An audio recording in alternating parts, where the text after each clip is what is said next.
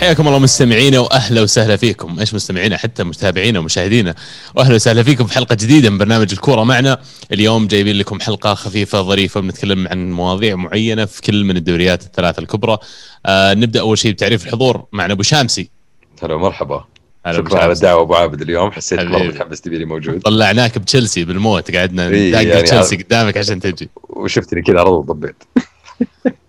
وجنب أبو شامسي في ألمو وبلوز وسهلا. جاية من روسيا شكلها هذه. آه موسكو موسكوفا ما تبان اشتقنا كأس عالم روسيا يا أخي.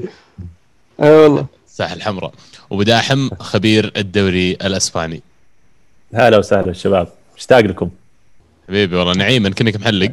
أي والله مقرع. خلاص أنا وياك نصير اثنين. إحنا طيب يا أخي نعيم شفني أنا نظبط والمو بعد. زيننا يا أخي تونا منظفين انت شمس إنك لك. فتره نفس الشكل كذا ما تغيرت يعني دوما نسعى للنظافه يعني ولا هو قصدنا دائما شكلك نظيف إيه، شمس. شكراً. إيه. هذه مدحة صدق مدحة يا ابو شمس أيوه. لا, لا تقدم المشاكل بيني وبينك ابدا ابدا آه طيب خلونا نبدأ أول شيء بإعلان موضوع آه ال Best حق الفيفا أعلنوا جائزة أفضل لاعب في عام 2020 وراحت ليفندوفسكي ال finalist الثلاثة كانوا ميسي ورونالدو. إلى الآن على الرغم من إن ال- ال- المواسم حقتهم ما كانت مثالية وميسي تحديدا ومع كذا نلقاهم في ال top 3 ألف مبروك ليفندوفسكي لكن هل عادلة تحسون؟ الليسته أكيد. عادلة. يستاهل يستاهل ليفاندوفسكي. بس ميسي ورونالدو طبعا حاطينهم على أساس إنهم ميسي ورونالدو بس. وحتى لو تشوف حفل ال- الصور حقت حفل الجوائز آه، كان حتى رونالدو طفشان واضح. حتى يوم فاز الجائزة اللي تحس كانه يقول جايبيننا عشان تفوزونا طيب يعني آه، وشو لا بس يعني كان ليفاندوفسكي هو فعلا أحسن موسم في أوروبا. وغير كذا يعني أصلا مسألة التصويت إنها مقسمة التصويت إلى أربع أقسام آه، 25% للجمهور 25% للمدربين مدربين المنتخبات 25% للصحفيين 25% مدرب كفاءة المنتخبات. فيعني يعني ما تستغرب إنه يكون عندك ناس كثير يعني متحيزين لميسي ورونالدو فبالتالي تلقاهم في التصويت. بس ليفاندوفسكي ما يختلف عليه إنه كان يعني وحش السنة الماضية. يبي لك ترفع صوتك شوي أبو شامسي لكن التصويت ما أدري كانكم شفتوه أعلنوا أسامي اللاعبين نفسهم كل واحد صوت لمين؟ رونالدو صوت لميسي في اللسته حقته وميسي ما صوت لرونالدو يعني دراما كان الموضوع. لكن رد ردها له السنة الماضية العكس. من جد؟ إي السنة الماضية العكس بالضبط. يعني ما أدري أنا أنا حسيت استكثرتها على ميسي ما يصوت لرونالدو إذا أنتم فعلا ترون نفسكم top players المفروض يعني من باب الاحترام عرفت؟ تصوت. له لو آخر شيء يا أخي لو تعطيه نقطة الصوت الأخير. واحدة بواحدة اي ظاهر وترى أتوقع انهم ما بدأوا يصوتون بعض الا اخر سنتين يعني من أول حتى ما كانوا يصوتون لبعض فيعني بدأت العلاقة تصير رهيبة وقريبة الفترة الأخيرة ولا من من تالي ما كانوا حتى يصوتون لبعض يوم طلع من مدريد يعني. كيف؟ يوم طلع من مدريد يعني. اي خفت الحسية عاد هم يصوتون كابتن المنتخب البرتغالي وكابتن المنتخب الأرجنتيني ولا؟ اي إيه. وهذه كفاءة المنتخبات يعني لهم حسبتهم والمدربين نفس الشيء يعني بالنسبة لي ليفاندوسكي يستاهلها أكيد لكن رونالدو قدرت له رد الفعل لما كأنه زعل شوي إنه ما فاز فيها. في الأخير أنا صوت لميسي واحد من المنافسين حقيني والصوت الأول الظاهر رونالدو صوت ليفاندوفسكي كمان. يعني ما خاف في التصويت من اللي قاعدين ينافسون على الجائزة ومع كذا لما جو يعلنون إنه ما فاز احترمت فيه إنه لسه يبغى يفوز. ميسي في المقابل اختياراته غريبة يقولون مصوت لنيمار ومبابي والصوت ليفاندوفسكي. لا ليفاندوفسكي الأول ظاهر ونيمار ومبابي الثاني والثالث. هذه آه، يمكن آه، تلميح. لروح باريس. يعني بيقول, بيقول لهم اشتقت لكم يا جماعة وحشة. كيف تفسرها يعني؟ يعني شوف أنا بتفسرها بالطريقة الوحيدة اللي وصلوا نهائي ال Champions League PSG. فكان ك- كفريق يعني وقتها مبابي كان له دور ونيمار له دور. ونيمار صديقه. وليفاندوفسكي طبعا إنه يستاهل. إيه، نفس الشيء. أنا ما اتذكر واصلين. انه صوت ليفاندوفسكي الأول ترى الظاهر إنه صوت نيمار مبابي ليفاندوفسكي. لكن ممكن. يمكنني غلطان. ممكن ممكن. عموما ألف مبروك لليفاندوفسكي وألف مبروك لسون اللي فاز بالبوشكاش award على الهدف حقه اللي سجله ضد بيرنلي. فولهام كان؟ بيرنلي بيرنلي بيرنلي. بيرنلي آه،. ركضه على طريقة سعيد العويران من آخر الملعب عدى الملعب كله حطها في الجول. أفضل من سعيد العويراني رجال ماسك الكوره تقريبا من من منطقة عظم سعيد حقتهم. العويران في كأس العالم يا أبو شامسي إيش دعوة؟ صح ضد بيرلي. في علم علم. فريق Premier League يعني درجة عالية. لا بس يعني أنا بالنسبة لي جمال الهدف كونه مو إنه مسك الكورة وركض فيها من نص الملعب لا إنه كيف عرف يعني يتحكم بجسمه ويعطيك sprint speed يترك المدافعين وراه بطريقة مرعبة الصراحة الين ما وصل للمرمى وطق حطها بكل سهولة.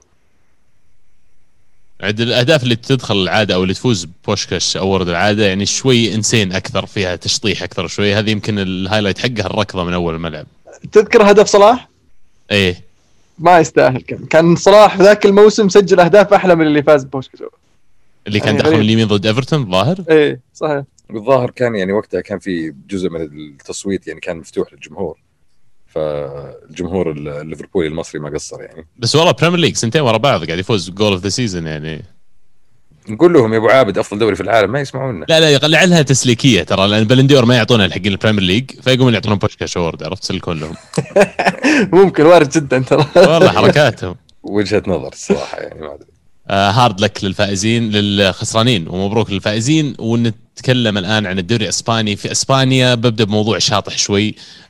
نادي اسمه ريال سوسيداد قاعد يلقى نفسه الآن في ال top 3 في إسبانيا. وعن جدارة فريق قاعد يقدم كرة قدم ممتازة ويعني شغلهم جاء على مدى فترة طويلة. واليوم يلقون نفسهم فوق برشلونة وتقريبا انتصف الموسم. بيصير آه، فترة الشتاء وأنتم في ال top 3 آم، إنجاز كبير. إيش رأيك فيهم يا بداحم؟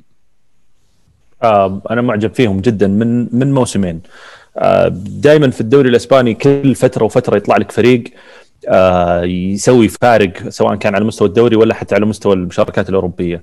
اللي عاجبني في سوسيداد إنه يعتمد معتمد كثير على لعيبة الأكاديمية في الفريق اللي اللي هي زيها زي أتلتيكو بلباو زي أتلتيكو مدريد زي إشبيليا معروف إنها بتطلع وتخرج لاعبين كويسين. الشيء الثاني دائما صفقاتهم تحسها يعني مدروسة. تحس إنه اللاعب يجيبونه في مركز فعلا يحتاجونه. آه، ما يجيبون لاعب يعني ما له احتياج أو أو ما يكون مفيد للفريق. عشان كذا آه، شفنا لما الموسم هذا الفريق آه، تأهل للمشاركة في اليوروبا ليج وطلع من عنده لاعب يعتبر من أهم اللاعبين اللي كان معاهم الموسم الماضي آه، اوديجارد جابوا مكانه لاعب بنفس مواصفات تقريبا يلعب في نفس خانة اوديجارد ونفس الطريقة وال style و- وإضافة الميزة الاضافيه الإضافية في اللاعب اللي جابوه إنه خبرة اللي هو ديفيد سيلفا. ف ديفيد سيلفا بس قاعدين خبرة يفقدونه كثير السيتي السنة هذه يعني قاعدين يشوفون إيش يسوي في سوسيداد وقاعدين يتذكرون ليش كان عنصر مرة مهم الفريق روحته لأسبانيا يعني آه، ما حد توقع إنه بيقود فريق زي ريال سوسيداد لل top four لكن يظهر لك إن ال class is permanent زي ما يقولون ولا النوعية ما تختفي حقت اللاعب. ولا وذكاء منهم الصراحة إنهم عرفوا يجيبون ديفيد سيلفا. يعني صح إنه طالع من إسبانيا صار له 10 سنين تقريبا آخر مرة كان مع فالنسيا. وكان يعني إذا ماني غلطان متجه لاتسيو بس عرفوا إنه عندهم خانة في الفريق اللي هي خانة اوديجارد اللي الحين أحتاج أحد خبير ومهاري جدا يعبي لي الخانة هذه وجابوا اللاعب الصح. وكون ديفيد سيلفا يعني لاعب أنا بالنسبة لي ممكن أفضل لاعب في السيتي آخر عشر سنوات من ناحية الإنجازات والبطولات و. الخبرة هذه كلها اللي اكتسبها في الفترة هذه جابها وأعطاها لفريق صغير فريق شاب يعني تقريبا نص الفريق أو أكثر من نص الفريق تتكلم عن براعم صاعدين من ال من ال- شو اسمه ال- البي تيم حقهم. وجاب جا جاهم ديفيد سيلفا وعرف إنه يدفهم دفعة إمامية إلى إلى قدام. وترى أنا أعتبره برضو قرار ذكي من علق صوتك يا أبو داحم ولا أنا اللي علق عندي؟ لا علق صوته شوي. okay. أشوفكم تعبتين ما حد يتحرك. اي لا بعرف هو هو قرار ذكي بس وش القرار الذكي بالضبط؟ يعني ديفيد سيلفا هو قرار ذكي مرة الصراحة يعني. وحتى. يعني بالإضافة إلى ذلك كون مركزه في في الفريق اللي يلعب فيه يعني أول لما كنا نشوفه في السيتي كنا دائما نشوفه في الفترة الأخيرة على الأقل مع جارديولا يلعب على يسار الوسط. فحاليا لا صرت تشوفه في مركز رقم 10 تشوفه على اليمين تشوف كل تقريبا مراكز الملعب ودائما يعني هو اللي يكون القائد لل press. عرفت؟ فالمركز اللي تقدر تقول ابتدع جارديولا اللي هو ال free eight في, في, في, في, وسط الملعب صرت تشوفه الحين حاليا تقريبا مع سوسيداد. هذا هو مركز آه، سيلفا. عاد من زمان ما شفت ترتيب جدول الدوري الإسباني وفجأة يوم ثبت اليوم وألقى أن مدريد متعادلين مع أتلتي في النقاط وأتلتي عندهم مباراتين لسه زيادة لازم يلعبونها. أحس إنه موسم استثنائي يمكن من بيننا كله ما شاف ما شافه يجي إلا ألمو بالنسبة لأتلتي. آه، لكن ليش على الرغم من هالنتائج الزينة كثير كلام في الصحافة عن آه، سيميوني يطلع عن استبدال الفريق عن مشروع جديد في أتلتي. يعني إذا كان ال- المشروع قاعد يمشي كويس ليش يفكرون الآن والكلام في ال- في التغيير؟ أتوقع هذه محاربة يا عبد الله بس شافوا الفريق قاعد يفوز ومستقر يبغون يزعزعون استقرار النادي الأتلتي. فقاعدين يسوون شوشرة ويحاولون بس يزيدون الكلام على أساس انه ممكن ممكن أحد الأندية تلحق.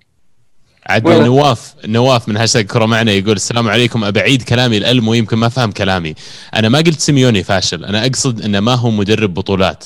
بوكيتينو ممتاز لكن ما هو مدرب بطولات. كلهم مدربين بناء. نادر تشوف مدرب يجمع الثنتين مثل كلوب. أتوقع حان الوقت لأتلتيكو لمدرب آخر فريق قوي جاهز يحصد بطولات. فاز معهم بالدوري. يعني فاز بعد معهم بالدوري بعد كم أبو؟ 18 سنة. وفي وفي أوج عطاء ميسي ورونالدو. ونهائي ال Champions وبالحظ. رجعوا مدريد صراحة. اي. وصلوا نهائي ال Champions مرتين بس أنا حظهم قابلوا مدريد في المرتين. يعني أتوقع في المرتين لو قابلوا أي أحد ثاني كان فازوا لا وطلعوا واحدة منها بلنتيات بعد. يعني عرفت ال- ال margins لما توصل لما توصل النهائي اللي تخسر عليها هدف دقيقة 90 تتعادل فيه صوتك في شمسي. بعدها. يعني ال margins أقول لك اللي توصل فيها أحيانا عرفت؟ الهدف دقيقة 90 تتعادل فيها وخلاص تنهار من بعدها في الأشواط الإضافية ولا تطلع على بلنتيات تتكلم عن margins يعني جدا جدا ممكن تنحسم لأي واحد عارف؟ فأنا بالنسبة لي ممكن ال- الصحافة حاليا المحاربة اللي يتكلم عنها اللي تتكلم عنها أنت كون إن قاعدين نشوف سيميوني قاعد يبني فريق جديد. الفريق اللي قاعدين نشوفه الحين في أتلتي ما هو بنفس أتلتي اللي تعودنا عليه قبل أربع سنين ولا قبل خمس سنين. آه يعني فريق شاب طريقة اللعب مختلفة ما عاد هو الفريق الدفاعي البحت لا صار عنده عناصر تعرف تصنع لعب تعرف تهاجم بطريقة مختلفة عن أتلتي اللي متعودين عليه. فكون هذه كون هذا هو الواقع الناس ما تتوقع له النجاح ممكن. وبعدين أنا يعني أحس إن الإكسبكتيشنز حقت الفريق نفسه التوقعات ال- ال- اللي متوقعينها منها الجمهور آه الإدارة نفسها ما أتوقع إنها سقفها عالي مرة لدرجة إنه يكون مطالب إنه في كل سنة يجيب دوري ولا في كل سنة يجيب Champions League وينطبق هذا الشيء ترى حتى على أتوقع على توتنهام على نابولي حتى في الدوري هذا إنه لما يحقق دوري مثلا آخر خمس سنوات بعدين يجي بعد فترة بسيطة يجيب لك بطولة ثانية معناته إنه هو في الوضع السليم. لأنه الفريق نفسه آه، style ـه أو تاريخه أو أو أو أو, أو آه، ال- ال- ال- ال history حقه آه، من ناحية البطولات والإنجازات هذا هذا ال- ال- ال- التدرج حقه كان ودك تقول heritage بس إنه شكلك ودي أقول زي بس خفت. أبو شامسي لكن, إيه. لكن معليش ما ما تقارنهم بسبيرز ب- ونابولي يعني سبيرز ونابولي أول شيء ما فازوا بالدوري في وجود فريقين بالقوة اللي تكلم عنهم تو المو وميسي و- سوري برشلونة ومدريد. والشيء الثاني واصلين نهائيين Champions League يعني فصعب إنك تجي تقول لي هم زي سبيرز ولا زي نابولي. غير ال Europa لا، League اللي فازوا فيه يعني. لا أنا فازوا مرتين أنا- مرتين مع مع سيميوني صح؟ إيه. اي مرتين. آه. أنا أقصد في بال- بالتوقعات اللي مطلوبة من الفريق. يعني مثلا الفريق سيميوني هذا تأهل إلى اثنين Champions League وحقق دوري وهو كان يشتغل عليه قبل قبلها بخمس سنوات. آه، فريق نابولي الحين تقريبا بادين يشتغلون عليه يمكن اخر يمكن ثلاث سنوات تقريبا آه، أربع سنوات. فالمفروض إنه خلال الفترة الجاية أو السنتين الجاية ممكن يطالب بدوري أو يطالب ببطولة أو من السنة هذه أو من السنة الماضية ممكن يطالب. لكن أتلتيكو مدريد اللي تأهل لل Champions League ترى الفريق نفسه يمكن له أربع أو أو خمس سنوات كان نفس العناصر ولا حقق شيء ولا سوى شيء. بعدين خلاص لما بعض العناصر اللي فعلا أثرت آه، 180 درجة على الفريق آه، بدا بدأ يتاهل تأهل بدأ ينافس في ال Champions League ووصل إلى مرحلة إنه خلاص الآن ال- ال- الموسم اللي لازم يحقق فيه الدوري.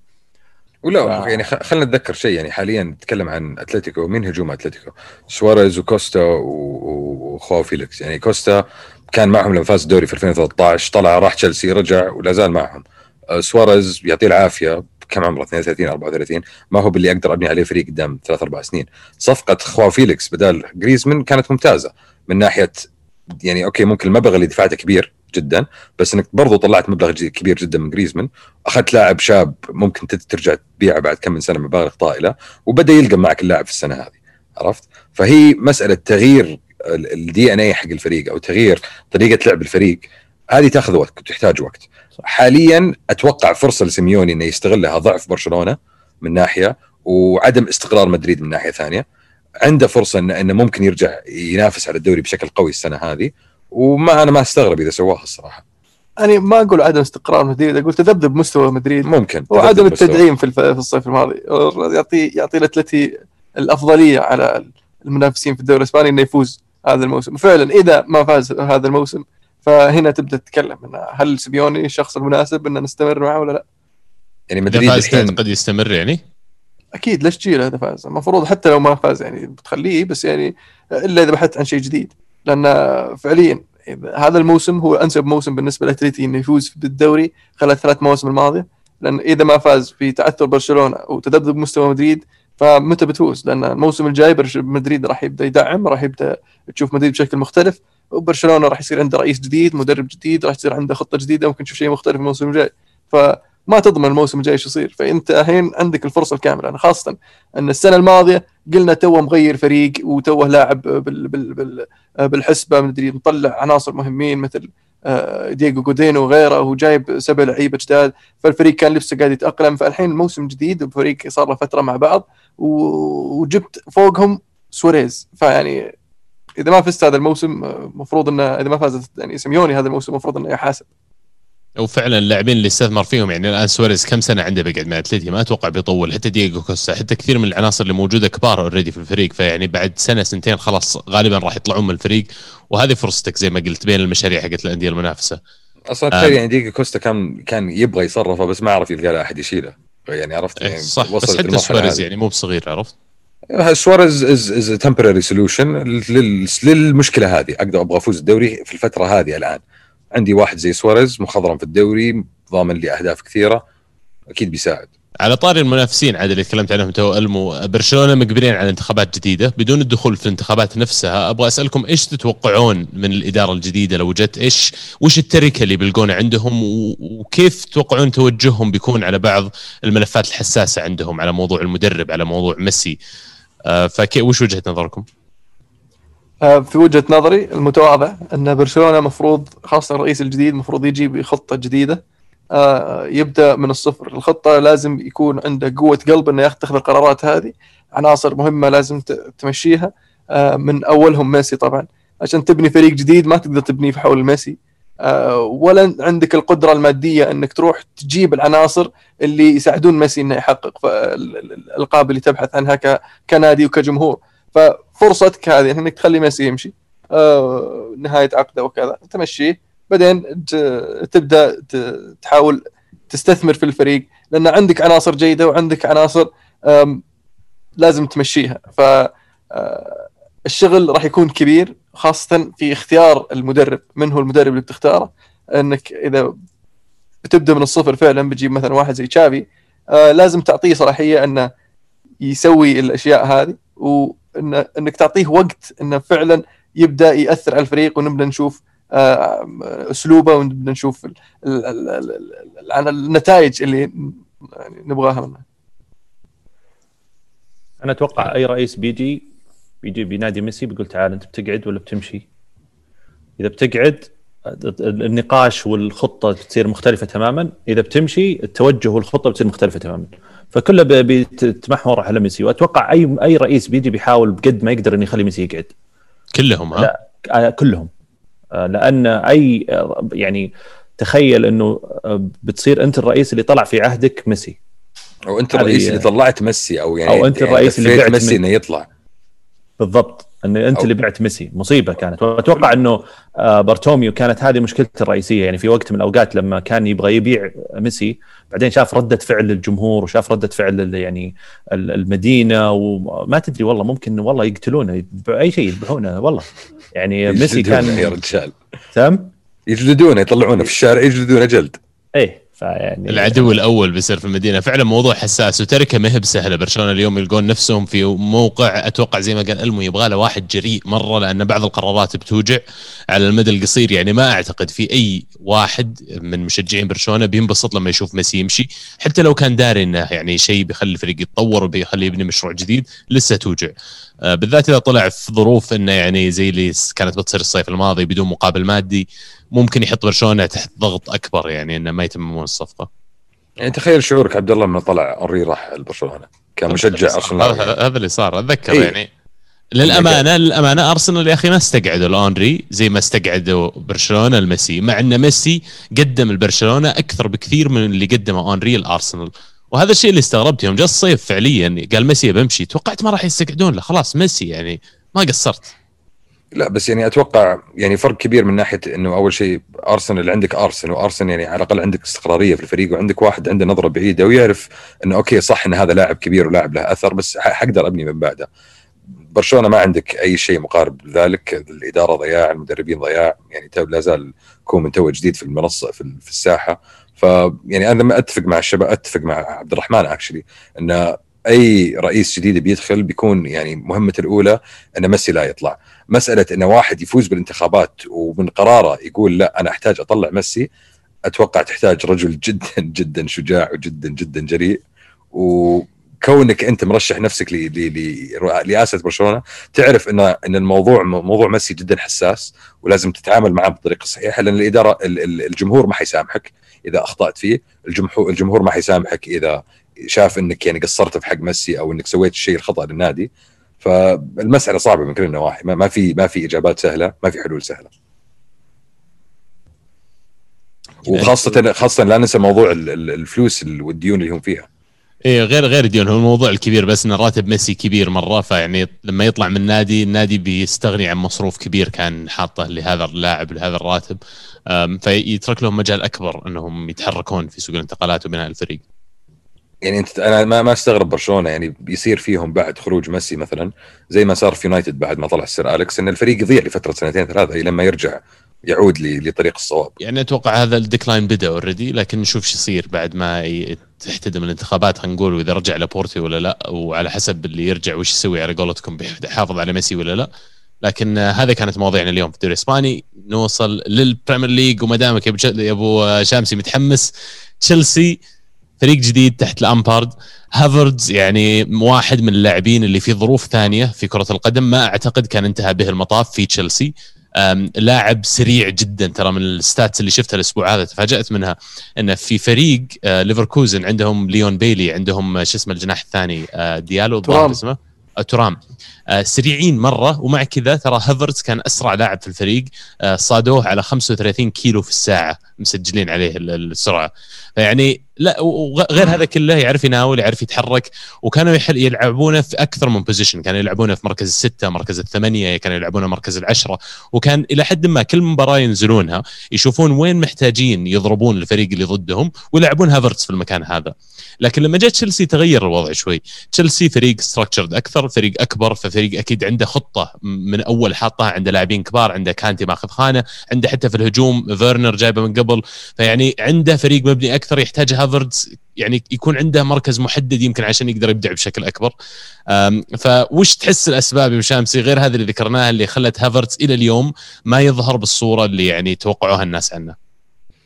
شوف أنا يعني هافرتس قدومه لتشيلسي okay أكيد كانت إضافة كبيرة للفريق كونه إنه لاعب شاب ولاعب صغير وشفنا الإمكانيات اللي موجودة عندي عنده إياها في ليفركوزن. لكن في نفس زي ما ذكرت عبد الله داخل على دوري جديد آه نادي كبير نادي فيه already structure وفيه already تنظيم لطريقة اللعب. آه حاليا المراكز اللي أول شيء شفنا هافرتس يلعب فيها في أكثر من مركز. شفناه يلعب في تشكيلة 4 2 3 1 كرقم 10 آه، شفناه يلعب تشكيلة 4 3 3 كجناح يمين.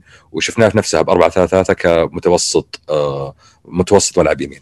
فأنا من الملاحظات اللي شفتها إن اللاعب لا زال إلى الآن ما تعود على سرعة الدوري الإنجليزي ما تعود على سرعة اللعب آه، مع الأندية الإنجليزية. دائما تشوفه ياخذ الكورة ويحتاج ثانية ثانيتين يفكر فيها. ثانية ثانيتين هذه أغلب الظن يكون جاء أحد وقفل عليه وما يصير عنده مثلا ال passing option اللي اللي يحتاجه. أه لما أجي أقارنه أفكر في لاعب زي ماونت يعني أحس المقارنة غير عادلة لأن ماونت already لعب في الدوري الإنجليزي already لعب مع لامبرد من قبل already يعني عنده سرعه البديهة إنه يتعامل مع سرعة الدوري الإنجليزي. فحاليا أنا بالنسبة لي لا زال هافرتس ما تأقلم في الدوري بالإضافة إنه أول ما جاء معنا آه، الفريق ما كان مكتمل. آه، بوليسيتش كان مصاب زياش كان مصاب آه لسه كان لامبرد ما يعني ما وصل للتشكيلة الصحيحة. بدأ فيرنر أول شيء كراس حربة بعدين حول فيرنر على يسار آه نزل بتامي أبراهام كراس حربة ورجع حول على جيرود. فالفريق إلى الآن ما استقر. أنا توقعت قبل فترة يمكن ثلاث أربع أسابيع بعد النتائج المستمره الإيجابية كانت لتشيلسي انه خلاص الفريق بدأ يثبت بس آخر مباراتين خسارتين متتاليتين أثبتت انه لا لا زال في شغل باقي في الفريق. وواحدة من ال ال الأشياء اللي أثرت في المباراتين الماضيتين إنه كمان هافرتس. هافرتس لعب فيهم أساسي. هافرتس ما قدم شيء في المباراتين. خلني خلني أوريك شيء في ال screen. ما أدري إذا تشوفون ال screen حقي ولا لا يا عيال؟ إيه, إيه. شوف. سويت share screen طيب. هذا تقريبا خطة تشيلسي 4 3 3 اللي تلعبون فيها.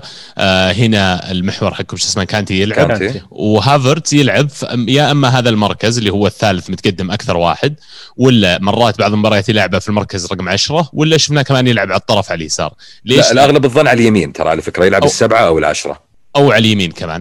فال point اللي أنا بوصل له إنه في الليفركوزن كان أغلب تحركاته تلقاه يلعب في رقم 10 هم كانوا يلعبون مختلفة زي كذا 4 2 3 1 وكان المهاجمين اللي يلعبون معه كلهم مهاجمين سريعين يسحبون المدافعين معهم عشان هو دائما كان يبدأ من جهة على اليسار هنا ويدخل على المرمى.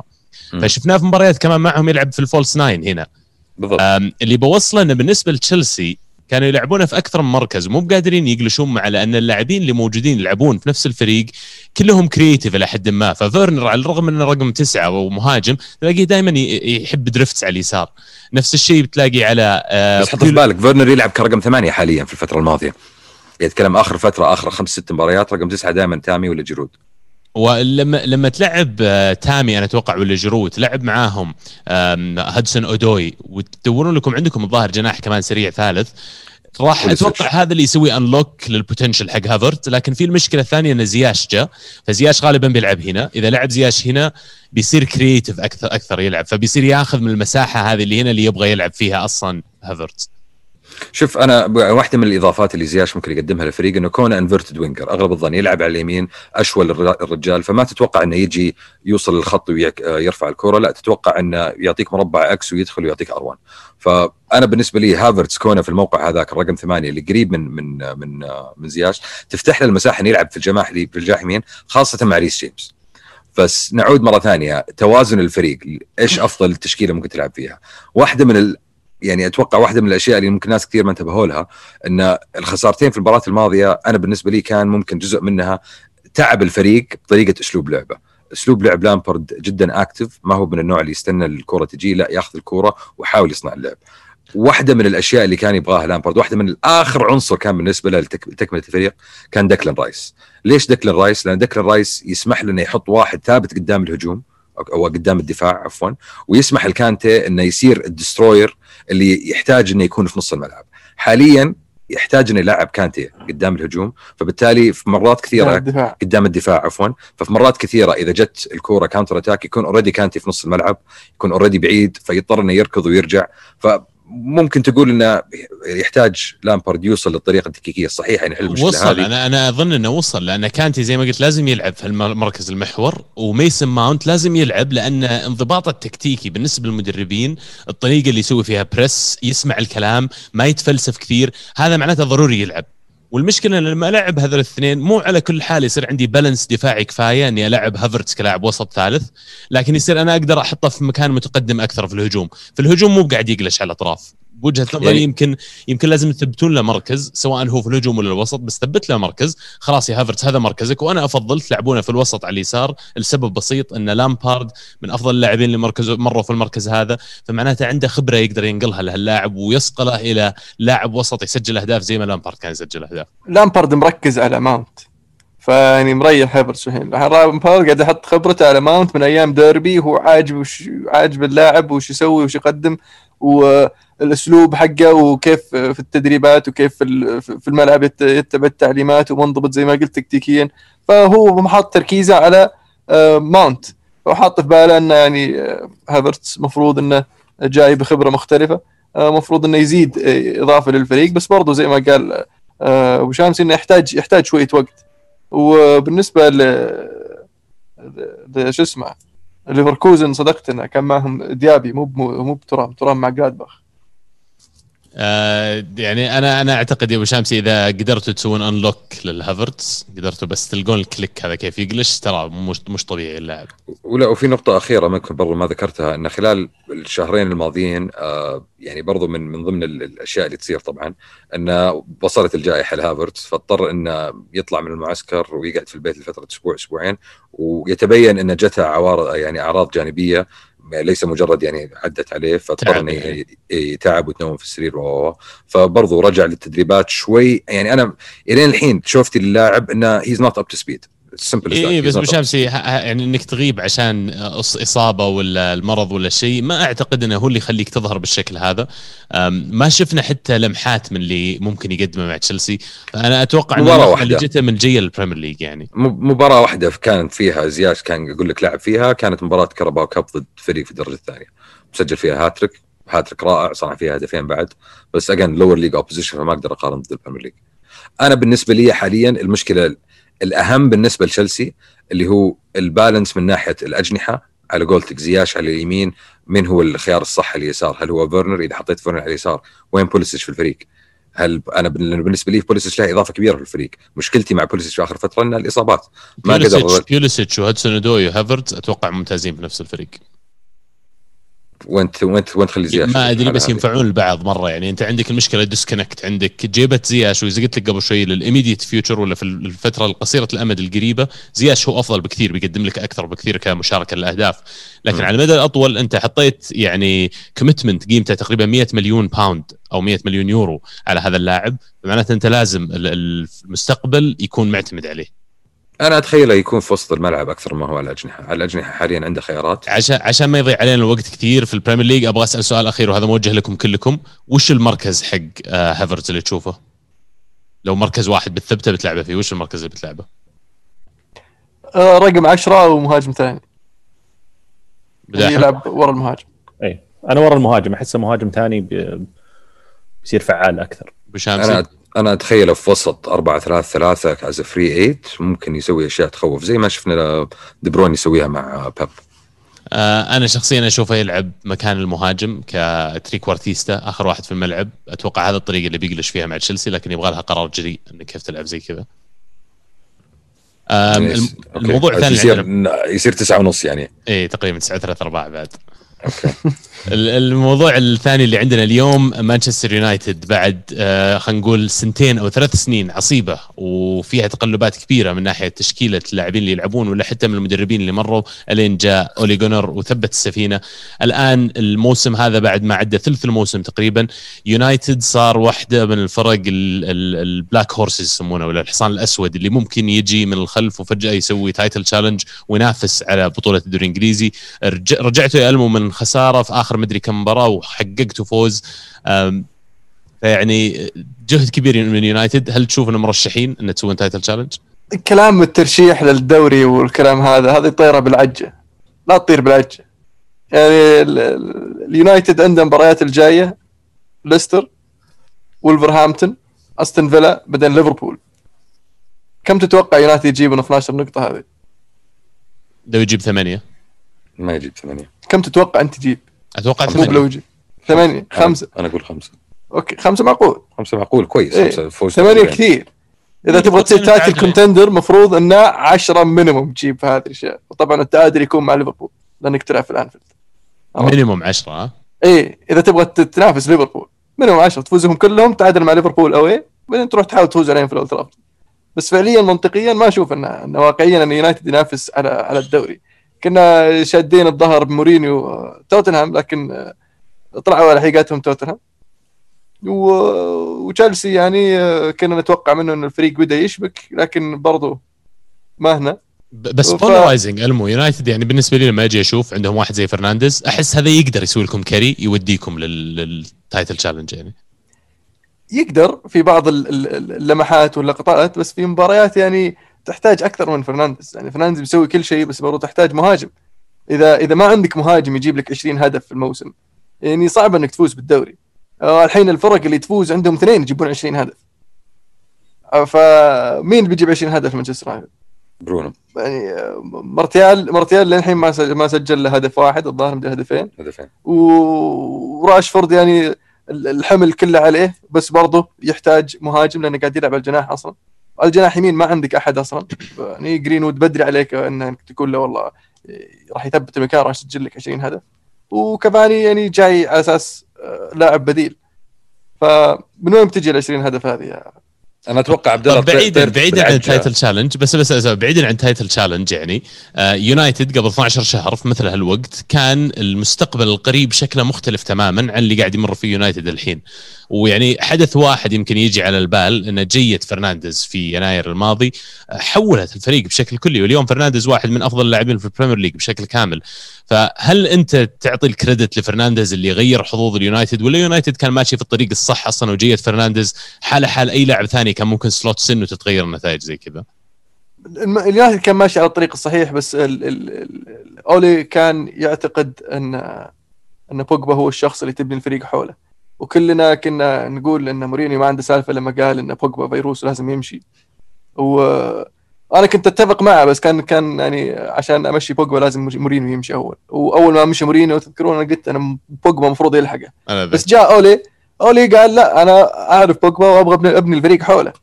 وحاول يبني الفريق حوله. في الفترة هذه اللي فزع فيها اليونايتد بعد ما أقيل مورينيو لنهاية الموسم شفنا بوجبا كيف شد فيها. إيه كذا بس أثبت لك إنه يعرف يلعب. بعدين لما جاء الجد الموسم الجاي موسم المفروض تبدأ من أساس المفروض إنك أنت تصير العنصر الاساسي العنصر المهم في الفريق اللي الفريق يعول عليك. طلع على حقيقة ترى بوجبا إنه ما عنده سالفة ما ما هو برجال تقدر تعتمد عليه. فضاع على اليونايتد نص الموسم لين جاء برونو. فلما جاء برونو شفت الفرق. لما يجيك لاعب يبغى يلعب لاعب يلعب مو بس مو بس يلعب لنفسه ولا يلعب عشان جتني فلوس ولا مدري وش أبغى ألعب مدري وين. لا يبغى الرجال يبغى يثبت نفسه يبغى يلعب. يبغى يهمه النادي يهمه الجمهور يهمه الفريق حقه اللي يلعب معه. مو ما همه إلا نفسه وقرشه. شوف هنا بان الفرق. ف لما يبين يبين هالكلام في اللعب. كيف؟ يبين هالكلام في اللعب. أنت ما واضح ما تشوف مانشستر يونايتد لما بوجبا يلعب. لا واضح ما تسمعني لما أقول لك إيه. لما بوجبا يلعب يونايتد يخسر. ما ما شفت بوجبا وهو يتمشى. ما قعدت معي جنبنا وأبو عبد الله الهدلول قاعد نشوف المباراه عرفت؟ هو يتنرفز. يتنا... شلون؟ شلون قاعد تتابع فريق يلعب في بوجبا؟ أنا نرفزني وأنا بتابع اتابع اليونايتد قاعد يقول لك. هو قاعد يشوف مباراة معي بس. ف تفرق طبعا. لما تشوف لك لاعب إنه يلحق الكورة ويحاول يضغط حتى المباراة شفناها أنا وياك كيف لما أقول لك غلط في التمريره بس قلت لي لا صح راح قطعها رجعها وحاول بالهجمه مرة ثانية. بوجبا ما يسوي كذا انقطعت الكورة تلقاه يناظر الحكم. وش تدور تناظر الحكم؟ صادق. صادق أنا معك في هذه تماما. وسبحان الله مرات يعني بس الطاقة حقت اللاعب وإنه جاي النشاط حقه يغير حظوظ الفريق. شوف أنا أنا أنا أشوف إنه يعني إضافة كبيرة ليونايتد كان برونو وكان هو فعلا على قولتك عبد الله اللاعب اللي صح صحهم ووراهم إنه لا فعلا يعني شوفوا هذا كيف قاعد يشد حيله لازم إحنا نشد حيله زيه. وال carry اللي قاعد يسوي لهم برونو في الفترة الماضية ترى مجنون. يعني كمية الأهداف اللي قاعد يسجلها كمية الأهداف اللي قاعد يصنعها. آه، مسألة انه يونايتد ينافس على الدوري أنا بالنسبة لي بعيدة عن الواقع. يعني تتكلم عن آخر مباراتين انتصارين حلوين صح؟ بس قبلها تعادل آه، قبلها يعني فوز تفوز ب 1-0 أو بلنتي أو بدي هدف دقيقة 90 فلا زال اليونايتد غير مقنع كفريق أوكي؟ كعناصر. تجي أيام يكون if he's on his day he is on his day. إذا يومه كان كويس فيومه كويس. أمس ضد ليدز كان يومه كويس. وبعدين يعني صح ليدز فريق كويس فريق ممتع فريق صعب ولكن ليدز في holes في الفريق مرة كثيرة تقدر تستغلها. وهذا اللي سواه يونايتد أمس استغل ال holes اللي موجوده مباراه مباراة ليدز استثنائية. لا ما تقدر تحكم عليها. لأن في المباريات اللي تكلمت عنها اللي اليونايتد يفوز فيها بكذا بهدف بآخر دقيقة بشيء كلها مباريات تلقى برز فيها لاعب. غالبا ما يكون غالبا يكون برونو. هو فعلا يكون برونو. دائما غالبا غالبا ما يكون برونو. شفت؟ بس مباراة ضد ليدز الفريق كله كان خالع. يعني حتى الثلاثة اللي يسجلون عادة قدام ولا واحد منهم سجل. كلهم لعيبة جيمس سجل. مو أنا هذا ليندلوف سجل. أنا هذا هذا اداء أداء ضد ضد ليدز كان أداء جماعي وأداء كفريق. بس السؤال هو هل يقدر يونايتد يستمر على المستوى هذا كفريق وما يعتمد على آه، مستوى فردي من أحد اللاعبين؟ مو هو ال trick هي في ال consistency لأن يعني واحدة من الأشياء اللي يعني توني قاعد أقول لك إياها إذا كان يونايتد في يومه كويس بيصير مرة كويس بيشخبط. يعني في آخر سنتين تقريبا مع أولي يقول لك يونايتد فاز بنتيجة خمس أهداف أو أكثر في سبع مرات. في السنين الخمس سنين اللي قبلها من من من طلوع آه، فيرجسون يعني إلى خروج آه، مورينيو ما سووها إلا مرتين تقريبا. فالفريق يعرف يلعب مع أولي لكن المشكلة consistency كيف يطلع ال consistency ولا مرة ترى. ولا مرة. جاز الكلام في خمس أهداف ولا مرة؟ إيه خمس أهداف. آخر مرة صارت كانت الخمسة خمسة حقت ويست بروم آخر مباراة لل Sir Alex ممكن تكون Carabao Cup ولا شيء زي كذا ما طلعت Carabao Cup يا عيال ترى أنتم الظاهر مشغلين المايك حق السماعة مو بحق اللي قدامكم ذا لأن صوت شمسي دائما بعيد لا لا مضبوط أوكي. هذا صوتنا كويس هنا. فاجين فأنا يعني اجين نتكلم عن يونايتد ينافس على الدوري. لا لو سمحت يونايتد بعيد عن منافسة الدوري. يونايتد طبعا يخاف كل شيء إلا يونايتد لا لا لا خلينا واقع يونايتد تو طالع من الشامبيونز ليج معليش تو منصقع ما دخل ما دخل أنا اتكلم أنا أتكلم عن إن ال form حقك. لما تيجي تخسر بس أنت تقول تشيلسي. بيفوز بالدوري وبعدين تقول شطحه إنك تقول يونايتد يفوز بالدوري. أنا بالنسبة لي الفرص احتماليات أو احتمالات فوز تشيلسي بالدوري مو بعيدة من حقت يونايتد يعني اثنينهم قليل عرفت؟ اي لا بس أنت بتسالني الحين اليوم الآن من المرشح الأول للدوري هو ليفربول بفرق كبير عن الثاني الثاني سبيرز حاليا يعني اتكلم عن ليفربول 40% لا لا أنا بالنسبة لي أنا بالنسبة لي اتكلم عن 40% مثلا آه، آه، ليفربول 20% سبيرز 15% ليستر 10% تشيلسي طلع سيتي من الحسبه لين ما يرجع أموره زينة بس ان يونايتد ما هو باعلى من تشيلسي صح قريبين من بعض بس مو أحسن منه يعني يونايتد الثالث تشيلسي وينها؟ يطقع آه. تحت في الثاني. إيه. عندنا مباراة الليلة يعني كانك ناسي مؤجلة. باقي مباراة مؤجلة لكم بعد المو. بالضبط. صحيح. اليونايتد عنده مباراة مؤجلة. آه، فريق حكيتوا عنه تو ليدز جبتوا طاريه ويمكن بس موضوع أبغى أطري عليه. أحترم هالفريق يا أخي. آه، البارح في مباراتهم ضد يونايتد مصقوعين ستة. الدقيقة 93 مهاجمين ليدز قاعدين يسوون press وضغط على مدافعين يونايتد يحاولون ياخذون منهم الكورة. فريق يبغى يلعب لين آخر لحظة. الأسلوب حق بيلسا يعني محتم عليك إنه لو ما فزت 3-0 4-0 أو 4-1 راح تخسر بنفس النتيجة. هل تشوفون إن يعني فلسفة خلينا نقول عقلانية في كرة القدم على ال top level ولا ليدز بيدفع الثمن وممكن إنه يعني نشوفه gets demoted قريب؟ أفضل شيء صار في البريمير ليج السنة هذه هو ليدز. بس فعليا ليدز ماذا يبحث عنه؟ المتعة هل يبحثون عن الدوري؟ هل يبحثون عن مراكز أوروبية؟ لا يبحثون عن الجلد وش تتوقع وش تتوقع يبحثون عن البقاء يعني بقاء اي تبغى تقعد في, في البريمير ليج واضح شوف ليدز فريق من من يوم ما يدخل أنا بفوز المباراة هذه ما أفكر خلي بعد يكمل طيب هذه. دقيقة ف ما ما يبحث عن نتائج تكون في بطريقة لعب عرفت؟ إلا إلا في المباراة هذه بصف الباص عشان أجيب النقطة الثلاث أو النقطة أو الثلاث نقاط. فيعرف إن في مباريات فعلا بيجيب فيها ثلاث نقاط يعرف المباريات اللي يقدر يسويها إنه يحاول.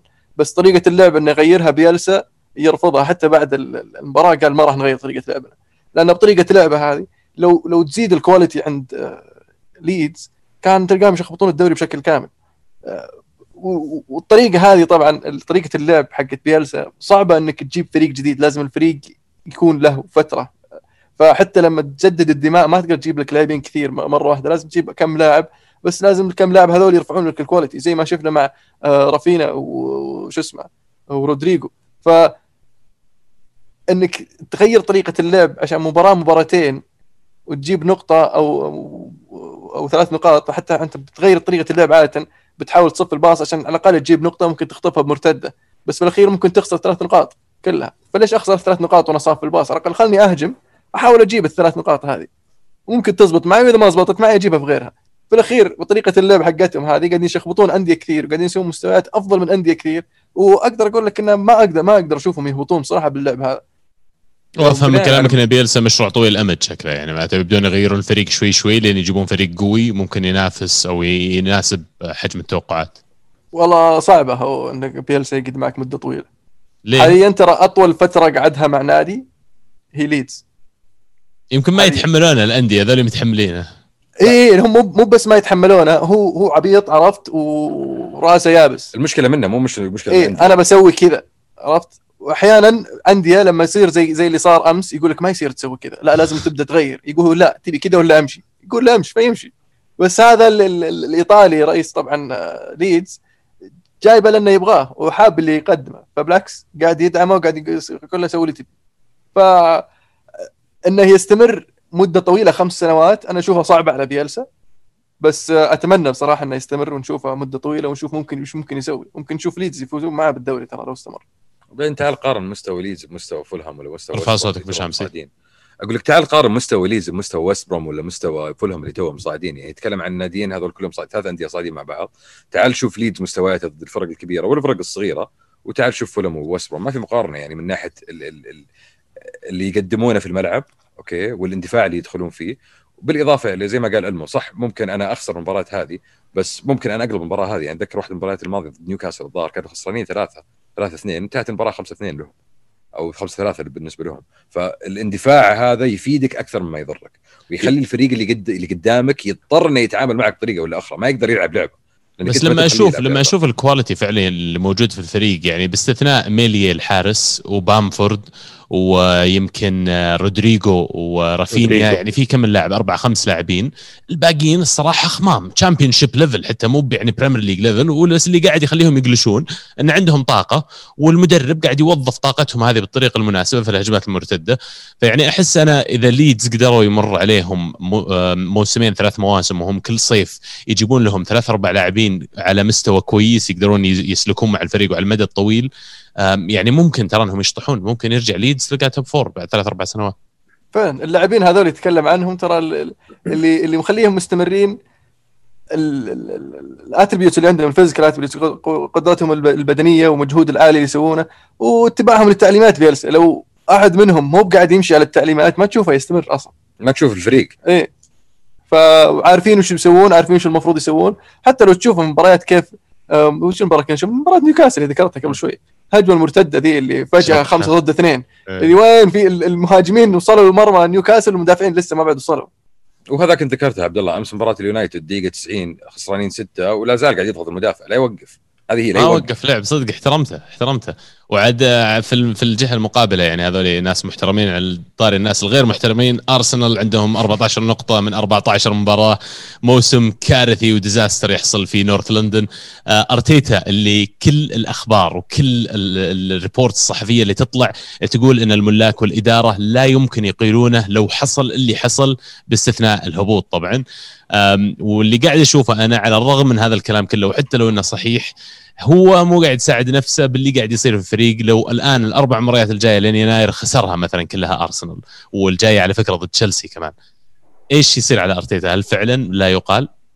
وهو السؤال عبد الله إلين الحين كيف راضين فيه؟ يعني يتكلم عن آخر عشر مباريات الأرسنال سبع خسارات. سبع خسارات تعادلين وفوز واحد. يعني وكم جول؟ جولين؟ الأرقام تروع. أنا لا أنا إيه. اتكلم يعني كيف قاعد يصير كذا؟ الفريق في quality الفريق فيه عناصر كويسة. بداية الموسم كنا نتكلم عن انه والله قاعد يسوي أرتيتا قاعد يبني فريق الحين دفاعيا كويس. أهم شيء تثبت دفاعيا قبل ما تعرف تبني هجومك. بس اللي شفناه في آخر فترة يعني ما أدري يدلني انه ما في عناصر تطور إي وهم هم مؤمنين الاداره إن المشكلة من مشكلة مدرب مشكلة لاعبين وإن حتى لو غيرت المدرب جبت أطلق مدرب في العالم النتائج ما راح تتغير لأن اللاعبين زبالة. الكلمة يعني هذه applies على 99% من اللاعبين اللي عندنا. والمشكلة إن تغيير هاللاعبين صعب إنه يجي في سنة واحدة ولا على صيف واحد. على الجانب الآخر يمكن بعيدا شوي عن هذا الموضوع أرتيتا أول ما استلم بعد ما أخذ اليومبرغ بشكل مؤقت. ترى الفريق لعب كويس وانتهى الموسم وأرتيتا بطل ال FA Cup وبدأ الموسم وحقق ال Community Shield فكانت النتائج في يعني في بوادر إن الفريق قاعد يتحسن. صحيح. لكن لكن كلها أعتقد أنا بدأت تخرب. نفس الوقت تقريبا اللي اوزل خربت علاقته مع النادي ومع أرتيتا تحديدا. إحنا نتكلم عن عن الآن تقارير صحفية بعد طلعت يقال إن السبب بإبعاد وتهميش مسعود اوزل في أرسنال. آه، هو بعض ال comments ولا التعليقات اللي سواها على موضوع سياسي يتعلق بالصين آه، في تركمانستان الشرقية إذا ما كنت غلطان. وعلى إثرة يقولون إن الصين سو سوت ضغط كبير على أرسنال بأن ما يلعبون اللاعب هذا ولا ما عاد تذاع مبارياتهم داخل الصين. طبعا الصين سوق كبير جدا فإذا إذا صحيح الكلام هذا حسبة أرسنال بتكون بسيطة. اللاعب أدفع له. مبلغ إكس أو مبلغ سين والمبيعات اللي تجيني من الصين مبلغ صاد صاد أكبر من سين اذا أوزل أنت مع السلامة أنت برا الصورة. يعني هذه نتكلم لو كانت التقارير الصحفية هذه صحيحة يا عبد الله ف يعني شيء أنا بالنسبة لي جدا مفاجئ. يفسر الكثير يفسر الكثير لكن في نفس الوقت يعني مفاجئ إلى حد كبير. آه يعني قد شفنا إحنا الصين آه عند لديها القوة الشرائية إنها يعني تجبر الأندية أو الدوريات المختلفة على حركات مختلفة وين صارت؟ أتذكر أنا في الام بي اي صارت برضو مشكلة مشابهة آه، أحد اللاعبين في أحد الأندية علق على موضوع تركستان الشرقية وصار تهديد كبير من طرف الصين للمالك النادي انه إذا تكررت أفعال زي ذلك حتوقف آه، بث مباريات آه، النادي ذلك هذاك الفريق يعني في الصين. وإذا ماني غلطان صارت صارت مع أرسنال يعني في الموسم هذا أو في الموسم الماضي انه بعد ما طلعت التعليقات هذه في واحدة من المباريات إذا ماني غلطان يعني كان اوزل يلعب وكان كل ما اوزل يستلم الكورة المعلق ما يذكر اسمه أو ما يعني ما يجيب طاري إن اوزل مذكور في الملعب حتى يتكلم لما ذكر تشكيلة اللعيبة في أول بداية المباراة ما ذكر اسم اوزل ف يعني مسألة انه لو صدق لو صدق هذا اسمه هبال الصراحة. هبال. إنه كذا يوصل التدخل في الأندية وين؟ يعني لا وتكلم يعني كمان يقولوا لك دائما لا تدخل السياسة في كرة القدم وهذه هي السياسة يعني قاعد تدخل في كرة إيش القدم. رأيك أبو داحم؟ طيب؟ أنا كنت بقرأ لك سؤال من الهاشتاج واحد متحمس معك مرة. يقول اجدون يقول بالنسبة لعبد الله صدقني يا عبد الله مشكلة أرسنال انه ما في لاعبين عندهم القيادة نفس نوعية تيري لاعب تشيلسي مثلا. وبرضه تحتاجون صانع لعب لأن هذا المركز بيغطي على كثير من السلبيات. أتوقع إنه الكثير متفق إنه مركز صانع اللعب يعني مركز مهم ومفقود في أرسنال.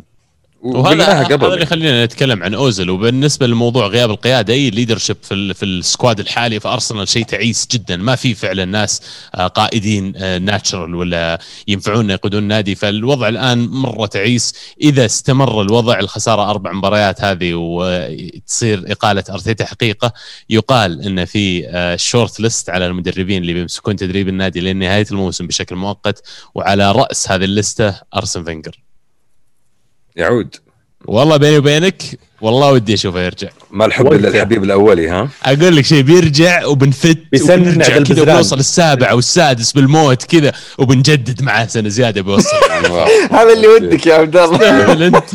أنت كذا تبغى تتقدم إلى المستقبل يا عبد الله. أنت كذا تعود إلى الماضي قاعد تسوي شيء غلط كذا لما لا يا أخي يا. أخي أنا أنا طول عمري كنت يعني أيد ارسن فينجر وأحس إن طلعته كانت قبل وقتها لكن يمكن الآن راح تعلم شوي ورجع لنا. عاد على موضوع آه، في يعني عدم وجود القيادة في أرسنال. اللي ذكرتني في تعليق طلع فيه باتريس ايفرا قبل فترة قريبة. كان يتكلم يعلق على مباراة أحد مباريات أرسنال يقول إنه كان في يوم من الأيام في بيت تيري اونري وشغل التلفزيون تيري اونري وشاف أرسنال وشاف زاكا كابتن وطفى التلفزيون. فسأل ايفرا قال له ليش ليش طفيت التلفزيون؟ فقال له ما أقدر أتفرج أرسنال والرجل هذا يقوده. استوعب ف- ف... هذه هذه قالها لنا تيري أونري شخصيا. قالها لنا شخصيا على زاكا اي لا بس ذكرتها قريبا لما لما تكلم عنها أفرا إن المشكلة لا زالت موجودة في أرسنال والمشكلة يعني الين الحين ما لها حل. يعني كنا نتوقع أوباميانغ يعني يكون هو القائد اللي ممكن يقود الفريق لكن اللي بعد اللي التجديد،.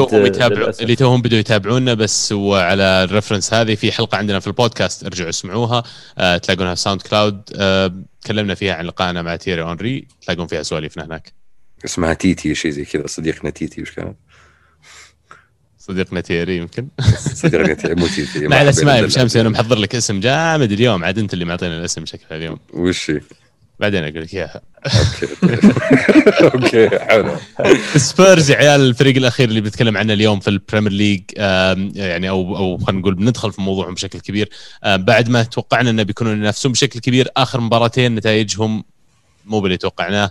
سون وقف يسجل كين وقف يسجل. أنا داري إنها مباراة بس بس يعني إذا أنت تبغى تنافس فعليا على الدوري لازم أنت تكون firing على كل ال cylinders يعني. وهل ما زلتم محافظين على وجهة النظر إن سبيرز بينافسون ليفربول؟ والله غريب. شوف مباراة ليفربول يعني كانت مباراة صعبة وكانوا مؤدين مستوى جيد. آه، بس ما قدروا يحافظون على على النقطة حقتهم. ولا قدروا يضيفون على ال- ال- الهدف حقهم لأن كان عندهم كم فرصة جت وضيعوها قبل ما يجي هدف الفوز حق ليفربول. حق ف- برجوان في العارضة. وقا- وبعدها شو اسمه رأسية هاري كين. فإذا تبغى تفوز بالدوري إذا فعليا تبغى تعلن آه، منافستك لليفربول على الدوري لازم تفوز عليهم. وما كان يعني آه، في أحلى من إنك تفوز على ليفربول في الأنفيلد. بس ضيع الفوز. فهنا تبدأ سالفة إنك تنتشل نفسك وترجع تفوز. كانت مباراة صعبة ب- بعدها ضد ليستر ولا قدروا يفوزون. ال- البلنتي اللي صار ممكن في في في نهاية الشوط الأول اللي خلص الشوط رجع حسب البلنتي يمكن لعب في نفسيتهم شوي. آه، بس آه، يظل. إذا فعليا تبغى تفوز في الدوري آه، لازم تقدر تطلع بنتائج ضد قد قديش كان مستاء مورينيو بنهاية المباراة ذيك؟ لا شوف يعني ما يعني أنا يعني تخ- أتخيل شعورك كمدرب إني لعبت كويس ومسكت نفسي لين دقيقة 90 وفي دقيقة 90 يدخل فيني هدف وأنا كان عندي فرص إني أقدر أقتل المباراة وأحسمها فأكيد I'll be salty صراحة. ما أستغرب إنه طلع الرجال مرة أتوقع يعني اللاعبين كانوا شوي خايفين يرجعون غرفه تبديل الملابس بعد المباراة. لا لا تقهر يا عبد الله تقهر. يعني صار في تشيلسي نفس الشيء صار في تشيلسي إنه متعادل لين دقيقة 90 الدقيقه 90 تاك- تاكل هدف خسرت فيه. ليش يعني؟ ركز شوي بس ركز. فبس خسارة ليستر يعني أتوقع بالنسبة لي كانت يعني أقسى من خسارة ليفربول لأن ليستر يعني نتكلم عن 90 دقيقة ما صنع كثير توتنهام يعني من الشوط الأول هو خسران والشوط الهدف الثاني بعد آه، يعني own goal فهذه المباراة اللي على قولتك المهم كان المفروض إنهم ينتشر نفسهم فيها بس أحس إن هذه بالنسبة لمورينيو يعني هي ال moments اللي يقدر يأشر فيها الفريق. يقول شفتوا ترى تراكم ما أنتم ما وصلتوا لها لسه ما أنتم برجال. والحين ليفربول فرق.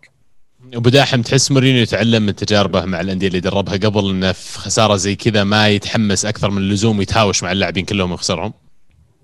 آه، واضح. أنا توني كنت بقول على تصريحه بعد مباراة ليفربول. كان تصريح آه، هادي راكد. قال إنه فريقي ادى اللي عليه.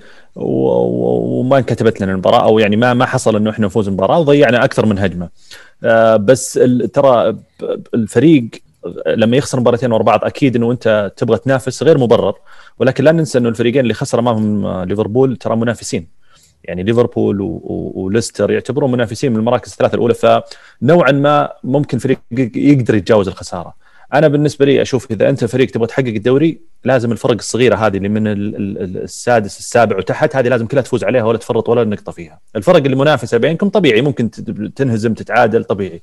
لكن أهم شيء ال- ال- ال- الفرق ال- اللي أقل منك بكثير اللي في منتصف الترتيب وآخر الترتيب هي اللي آه، اللي أعتقد إنها بتجيب لك الدوري المشكلة لما تقول الكلام ذا يا عبد الرحمن يا طالع في تشيلسي تشيلسي تقريبا كل الانتصارات اللي فازها في الدوري فرق تحته في جدول الترتيب وكل التعادلات والخسارات صارت ضد فرق يعني يا إنها فوقه يا إنها حوله في جدول الترتيب عرفت بس كم كم كم نجلدكم يا؟ ابو شامسي الجوله الجاي شلون؟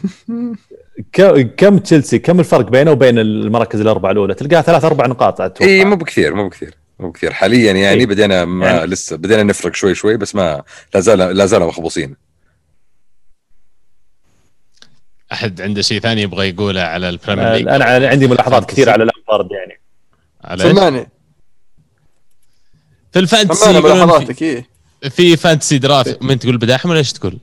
يكون عنده ملاحظات على لامبرد سمعنا ملاحظات. أعطينا ملاحظات. آه، لا، لا. بعدين بيني وبينك ت- لا لا عطنا عطنا الملاحظات. خلنا دام دام فتحنا الموضوع نبشها بعدين بعدين بيني وبينك يحتاج ما أنا بقول لك شيء جلسه. مطولة. okay أعطينا. لا إذا تبغون آه، في ك- عبد الله في الهاشتاج عن عن ليفربول بما إنه ما تكلمنا عن ليفربول كثير. يقول لك آه، بخصوص كلام عبد الله الحلقة الماضية عن ليفربول ما هو بالمفروض هالكلام يكون للسيتي اللي يحتاج تغيير في أكثر من مركز؟ هذا من بوردقا آه، أتوقع. إي وقد تكلمنا عن سيتي بداية الموسم أصلا سيتي كانت واضحة من بداية الموسم إنه كان لازم يسوون التغيير هذا فيعني ما تفاجئنا. كثير لا الموسم هذا بالذات الصيف الماضي لكن ليفربول لأنه كان وضعهم شوي مختلف. اللاعبين اللي عندهم ما وصلوا لمرحلة السن حقت سيتي ما عندهم واحد زي سيلفا واجويرو قاعد إلى حد ما قاعد يصير له phase out من الفريق وقاعد يخلص وقته مع الفريق. لا في المقابل ليفربول فريق فايز بطل. آه، لاعبينا إلى حد ما أصغر لكن انتقادنا عليهم على التغيير هو لأجل التغيير عشان يجون لاعبين هنجري أكثر عشان يصير عندك أنت كمان آه، ممكن حتى تكتيك مختلف شوي عن اللي كنت تلعب فيه السنة الماضية. كل تكتيك وكل فريق يقدر يتحسن بإضافات معينة. وأنا أعتقد إن ليفربول كان محتاج هالشيء آه، السيتي أكيد نفس الشيء كانوا محتاجين إعادة بناء لكن سيتي كانوا حاطين كل ال- التوقعات حقتهم في سلة ميسي وميسي ما جاء وخرب صيفهم. تمام. روح ال fantasy. اصبر عندك تعليق أنت وش تعليقك؟ إيه. تعرف إن أولي بيفوز بالدوري قبل لامبرد ولا ما تعرف؟ الدوري النرويجي؟ ممكن وارد جدا وارد. المولدوفي أكيد ما عندي شك ابدا. okay. القبرصي لا محالة. بس وصلت. خلاص. اسلم. في الفانتسي السنة هذه إحنا لعبنا fantasy draft إحنا والشباب وأنا الصراحة احب اعطيكم updates لأني الأول الحين صرت وفرقت أكيد تحب تعطي updates أكيد دامك صرت الأول. أبو شامسي الله صاحب. المركز الثاني أنت بيني وبينك 50 نقطة صار الحين. كيف؟ أوف. وش وش الخطط حقتك على مدى الجولات القادمة مع Boxing Day قريب عشان تقدر تجيبني؟ بنشلح صلاح منك هذا رقم واحد. نكلم ال commissioner. أوكي طلع صلاح من فريقك. صلاح حسين صلاح يطلع من فريقك يا أبو عابد. غير عادل إن صلاح فريق بعدين أحب أقول لك إن عندي جولة اليوم ما لعبت. آه، فريقي ممتلئ بلعيبة تشيلسي اللي إن شاء الله بيصقعون ويست هام ويجلدونهم. فما هذا اللي. مخسرك فريق كله لاعبين تشيلسي عرفت؟ يا ما في أحد ما, ما بقى أحد في الشريط يا رجال في في اللعبة. كلكم جمعتوا كل اللعيبه طبعا ال fantasy draft هذا يصير من كل لاعب ما في الا نسخة واحدة في ال game فنظام كابتن أول كابتن ثاني لين كابتن ثامن عرفتوا تختارون اللاعبين ويخلصون وانتقالات تصير بينكم. بس عشان أحب أقول لك شامسي عبد الله عبد الله اي لا بس عشان يكونوا في الصورة. يعني أحس أكثر اثنين جايبين نقاط في ال game اللي هم سون وصلاح موجودين عند عبد الله وغير كذا عنده زاها وراشفورد يعني أقول لك شيء أبو شامسي يعني سالفة تطلعونهم من فريقي كذا بالغصب ما تقدرون. راس مالها تسوون لي transfer embargo حظر من الانتقالات الثانية وأنا أقول لو بتسوونها جيبوها بفوز بالدوري بعد. إيه ما عليك نسوي لك transfer embargo لا. نسوي مقاطعة. المهم طبعا في المركز وين عزيز عندك كان عندك خطط القادمون من الخلف. الخطط والله هو آه، لازم يصير فيه آه، تعاون من باقي ال- ال- المتنافسين مثل عزيز اللي ذكر عبد الرحمن قبل شوي. بعد عاض على اللعيبة وقاعد في المركز الأخير. يا ابن الحلال مش لعيبتك خلينا نروح نلحق المتصدر. لا أبى الحقه أنا عرفت؟ هو 200 نقطة ورا. يعني ما أدري إيش أسوي فيه. بس عشان تكون في الصورة الفرق بين عزيز وبين بودز الأول والأخير في الدوري 200 نقطة. 200 نقطة ما نمزح 200 نقطة. طب أنا بسألكم سؤال لو فك لو فعلا قدرتوا إن تطلعون سنة صلاح بالغصب كيف واحد. بتقسمو... كيف بتقسمونه بينكم؟ طيب كيف بتقسمونه هم لاعب أو لاعبين وأنتم أربعة أو خمسة؟ نعطيهم عزيز. تعطونه عزيز صدق؟ اي خليه يلحق. والله ما أعتقد. والله خليه يلحق. مساكين عشان يا. أخي يستاهل. شوف، في أنا- المركز الثاني عشان تبغى أطلعهم بس وعشان تفوز أنت. لا يا حبيبي أنا عندي أقول- مثلا أهون يأخذهم ألمو. خله ما دام أحد بيفوز ليش عزيز؟ مو مو مستفيد منهم. ألمو المركز الثالث ممكن يستفيد. هو بس المفروض واحد صلاح عندي وسن عند أبو شامسي ونلحق بالضبط هي هي كذا صح ترى يعني. وين؟ تمشي معي. لا ننسى ترى أنا؟ كنت الأول ها؟ الفترة وجيزة عجبتني. جدا يعني. ما عجب.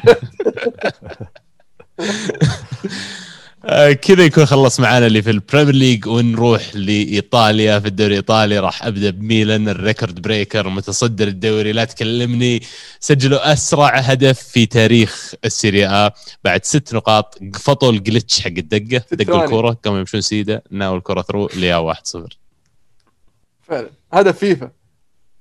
في glitch. ترى طلع في الدوري الإيطالي.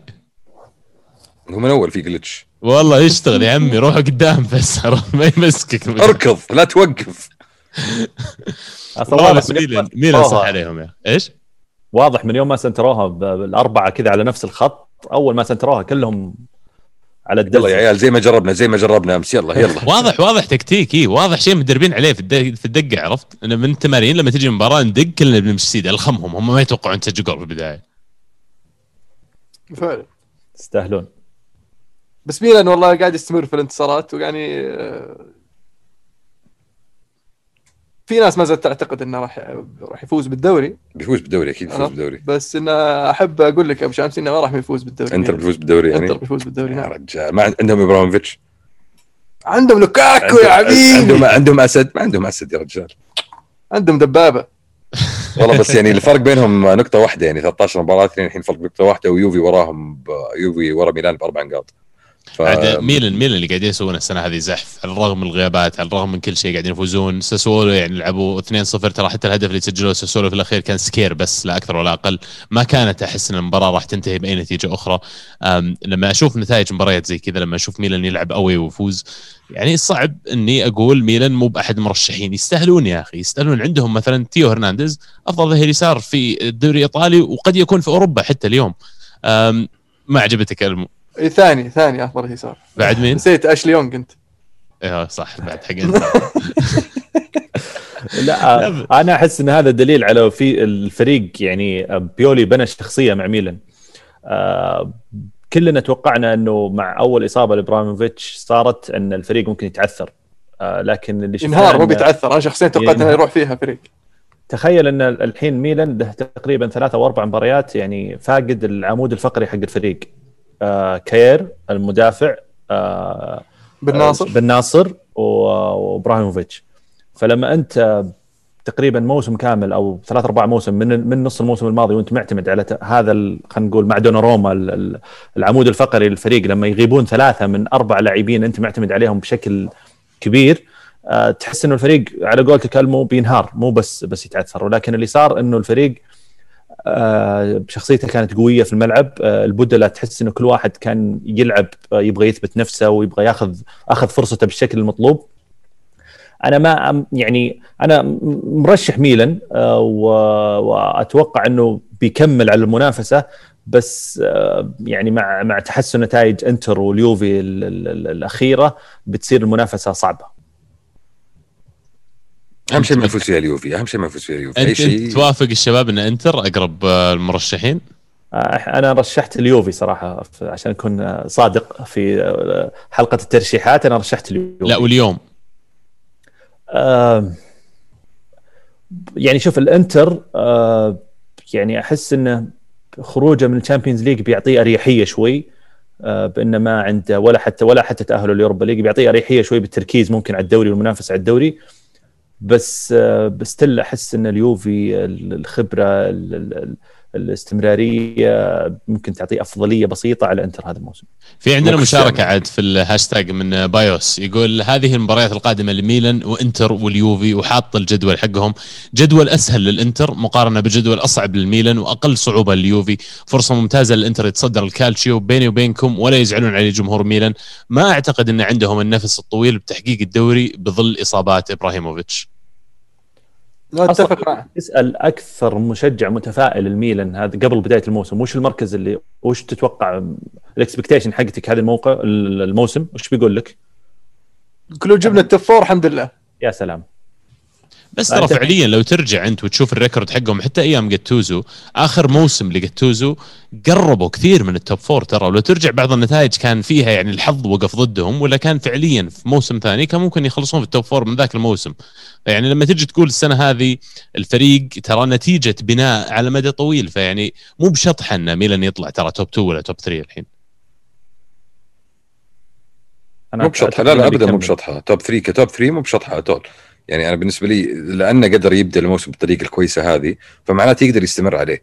عرفت؟ بس أهم شيء إنه يحافظ على نفس الروح يحافظ على نفس العناصر إذا قدر. زي ما ذكرت عبد الرحمن شفنا يبرا طلع ثلاث أربع مباريات ولا زال النتائج حقته إيجابية. أيوه قاعد يفوز مباريات صعبة away from home زي ساسولو وقاعد ي... ولا زال محافظ على صدارة الدوري. فأهم شيء لا يوقف هذه لا لما يوقف. تقول ميلان ممكن يطلع top 2 top 3 يعني اليوم في الدوري الإيطالي الفرق بين ال top 3 مو بكبير. فلما تقولي top 3 أي واحد من ال top 3 هذول ممكن يفوز بالدوري فعليا يعني. من اللي قاعد أشوفه على الأقل إنتر ويوفي وميلان. صح. ويعني كذا أنت قاعد تتكلم هذا غير طبعا عنصر المنافسة الإضافية اللي ترى اللي أضفتها بفريق ميلان متصدر فيتكلم عن يعني نابولي ولا روما طالعين من ال top four نابولي روما آخر في السنين الماضية بالعكس هذا هذا اللي إحنا متعودين عليه الطبيعي إلى ما دخل أتلانتا في الساحة. فقاعدين نشوف تجديد دماء قاعدين نشوف تحريك ل- لمياه راكدة في في إيطاليا صار لها فترة طويلة جدا وبالنسبة لي يعني about time من جد من جد about time على طاري اتلانتا نيراتزوري أبغى أتكلم عن إنتر. إنتر يقولون في صفقة تحت الخفاء تدا- تحاك ما بينهم وبين أرسنال. آه بيبدلون بموجبها إريكسن مقابل تشاكا. والله إذا صارت صدق يا عبد الله فيعني بنت كلب أطق. يعني والله ما. ما عرفت أعبر يعني. والله صفقه ما- جامده لعبوا على الإنتر كذا زين. والله جلس. أقول لك شيء. أعتقد إن تشاكا يبغى له بيئة ويبغى له مدرب وأسلوب لعب مختلف تماما عن اللي أرسنال يلعب فيه. فلا تستبعد إنه لو يروح نادي مثل إنتر اللي يختلف تماما عن المنهجية اللي يسوونها أرسنال ممكن إنه يبرز. ترى ممكن يلقى مكانه ويمكن حتى كونتي أو الإدارة يشوفون فيه شيء ممكن ينجح في إيطاليا. شوف هو ما وصل أرسنال إلا ان في أحد في ناس كثير شافوا إنه في عناصر كويسة ممكن يستفيدون منها. لسبب أو آخر it never work out في ارسنال إصابات آه، يعني يعني عرفت كروت حمراء مشاكل مع الجمهور مشاكل مع الفريق. فخلاص يعني مشى. وإريكسن يعني رحنا من يوم رحت إنتر ما شفنا سوى شيء ما شفنا قدم الكثير ما شفنا دخل كعنصر أساسي من تشكيلة كونتي. فكويس إنه إنه انتر مستعدين انهم يعني يتخلصون منه وبيستفيد منكم إذا جاكم. يعني أكيد بيرجع ال Premier League فترة طويلة جدا بيرجع لندن مدينة عنده يعني متعود عليها على الأقل شوي. فبالعكس وبيسد لكم فجوة آه، أو الفراغ اللي تركه خروج اوزل من الفريق. أنت قلت اوزل هو اوزل مو اوزل playmaker وتبون playmaker أنتم إي بس ما خرج من الفريق يعني هو بس إنه خرج- عليه. حرم حرمانة من الفريق خلينا نقول كذا. في إيطاليا أجل أنتم كلكم مرة للان ضد الميلان. أنا لسه راكب على الباص ولسه أنا لا أنا مع الميلان أنا معك أنا راكبين أنا وياك سوا الباص. كفو مشان مستعجل طرينج طرينج يستاهلون والله فريق يستاهلون الصراحه إنك يعني تشجعهم وتنبسط معهم لهم لأن اشتغلوا مدى طويل يعني. فعلا فعلا. أم عندكم شيء تبون تضيفونه على إيطاليا قبل ما أروح؟ نعم آه نابولي. نابولي اللي اللي تعثر آخر مباراتين كانت مباراتين صعبات أمام آه انتر ميلان بعدها لاتسيو مباراة انتر ميلان يعني كانت الظروف صعبة. طرد آه إنسيني كان كان مؤثر. فازوا ببلنتي في الأخير آه الانتر آه في نفس المباراة أصيب آه ميرتنز وكان نابولي already عنده أوسيمين مصاب. آه فلعب المباراه الثانية أمام لاتسيو من غير إنسيني من غير ميرتنز من غير أوسيمين. آه غيابات مؤثرة لجاتوزو بصراحة. والتعثرات المتتالية هذه راح يعني تصعب من حظوظ نابولي حتى في آه، ضمان مكانه في ال top four ساعدهم طبعا خسارة آه، روما آه، من أتلانتا. لكن ما زال ال- ال- التنافس راح يصير صعب لأن لاتسيو قرب وأتلانتا قرب والإنتر وال- والميلان قاعدين يبعدون. ف بيصير بيصير يعني صراع الصراع على المركز الرابع شديد هذا الموسم في في إيطاليا يبدو لي. على طاري أتلانتا في لاعب ودنا نضيفه للبسطة يا ألمو منو؟ بابو جوميز يقولون بيطلع يا خلاص. بس بدأ يستبعد برا التشكيلة مباريتين ثلاث ثلاث مباريات الأخيرة برا التشكيلة آه، وفي يقولون باريس PSG والظاهر وفي فريق ثاني برضو مهتمين في 15 الصحافه مليون. عندنا رخيص. يقولون يقولون إن النصر يبغاه والنصر مستعد يدفع له راتب يعني يحلم إيه. به آه وصل إلى الت- 10 مليون فهذا يخليه مغري طبعا راتبه حاليا مع أتلانتا 2 مليون فقط. ما يبغى يطلع هو عشان الراتب يبغى يطلع عشان مشاكله مع ال- المدرب. أنا آه ف. اللي تبين لي مؤخرا إن في عنده عروض برضو من إيطاليا. في. آه في في في ميلان آه، في اهتمام من الميلان في اهتمام من الإنتر في اهتمام من آه من من اليوفي. فهذه خيارات ممكن تأثر على فكرة انتقاله للنصر لكن ولا واحد من هذه الأندية راح يقدم له العرض المبلغ المادي اللي مستعد النصر يقدم له فراح يصير عنده آه، قرار صعب يتخذه اذا إذا قرر يطلع. لكن الإدارة تقول إنه يبغاه يستمر على الأقل لنهاية الموسم. مشكلة آه، المفاوضات النصر إن النصر موافق على الراتب اللاعب بس المبلغ اللي طالبينه أتلانتا نفسهم آه، عالي. يعني بالن- يعني بالنسبة لل- لل- ان أنا أدفع اللاعب هذا الراتب وفوقها بدفع 15 مليون يورو تقريبا أو 20 مليون يورو للنادي بس. هذه ب- ب- بتصعب الصفقة على النصر. فعلا. لكنه لقطة صراحة اللي ياخذه آه، فعلا. محظوظ. فنان فنان مو طبيعي يعني. لو فعلا يجي الدوري السعودي استهبال والشطحة. بدال حمد الله مشي حمد الله في جانري. استهبل أنت. ولو علي أنا ممشي حمد الله بس رأس. بريكان قدام. جد. والله بالعكس الشباب ذول جامدين اللي عندنا يا عمي أكثر شيء قاعد أضحك عليه اللي يعني اللي فعلا يستاهل الحمد لله. آخر مباراتين عرفت؟ البزراني يقولون لا راح وقف هناك راح افتح لي هنا. عرفت؟ قاعد يتفلسفون عليهم اللي قاعدين يسجلون عرفت؟ آه عموما كذا نكون خلصنا الدوري الإيطالي ونوصل لفقرة بطل وبصل. بطل وبصل! جاهزين جاهزين جاهزين. الجاهز يرفع يده أعطاني تو ثمز اب بداحم ببدأ عندك. طيب بالنسبة لي هدف الأسبوع هدف آه، أولير. دائما اسمه الاسم ال- الأسامي الفرنسية اللي فيها الحرف الأول ما ينطق صعبه والحرف الأخير ما ينطق بعد ترى أحيانا. وش قلها طيب ألمو ساعدني. هو هذا الفرنسي. اوليه آه، شو اولي اسمه؟ لا اولي مدرب يونايتد أنت ما شاغل مخك. اوليه أولي، المهم آه، لاعب آه، ويست هام سجل هدف double kick من الزمن هالر الجميل. هالر هالر. هالر. اي هلا سباستيان هالر. سباستيان هالر. سجل هدف من الزمن الجميل double kick اللي آه، الكورة فوق وأعطاها واحدة مع هو تحت و... وهو تحت. فهدف جميل. بالنسبة لي بالنسبة ل- من الثاني بصل بصل ولا بطل؟ بطل الأسبوع آه، آه، لاعب ودي أعطيه الأسبوع الماضي بس ما حصل فبعطيه هذا الأسبوع. لوكاس فاسكس اللاعب اللي تختلف أو تتفق على إمكانياته كل ما احتجته يصير موجود. في أصعب فترة أعتقد إنه ممكن يمر عليها مدريد هذا الموسم آه، آه، وفي بداية إصابة كارفخال واعتماد زيدان على لوكاس فاسكس في مركز الظهير في مباراتين والمباراتين اللي بعد الجناح أثبت نفسه ولعب بأعلى مستوى آه، ويسجل فيستاهل. بصل الأسبوع شطحة شوي مباراة في الدوري الكويتي لا تسألوني شلون وصلت لها. بس آه، بين فريق الكويت والكويت والعربي أتوقع فكان فايز العربي 3-1 فلاعب عمره 18 سنة معروف عنه مهارات كويتي. فجاء على الخط قاعد يحاول يسحب لاعب عمره 29 سنة اسمه جمعة سعيد في الكويت الكويتي معروف.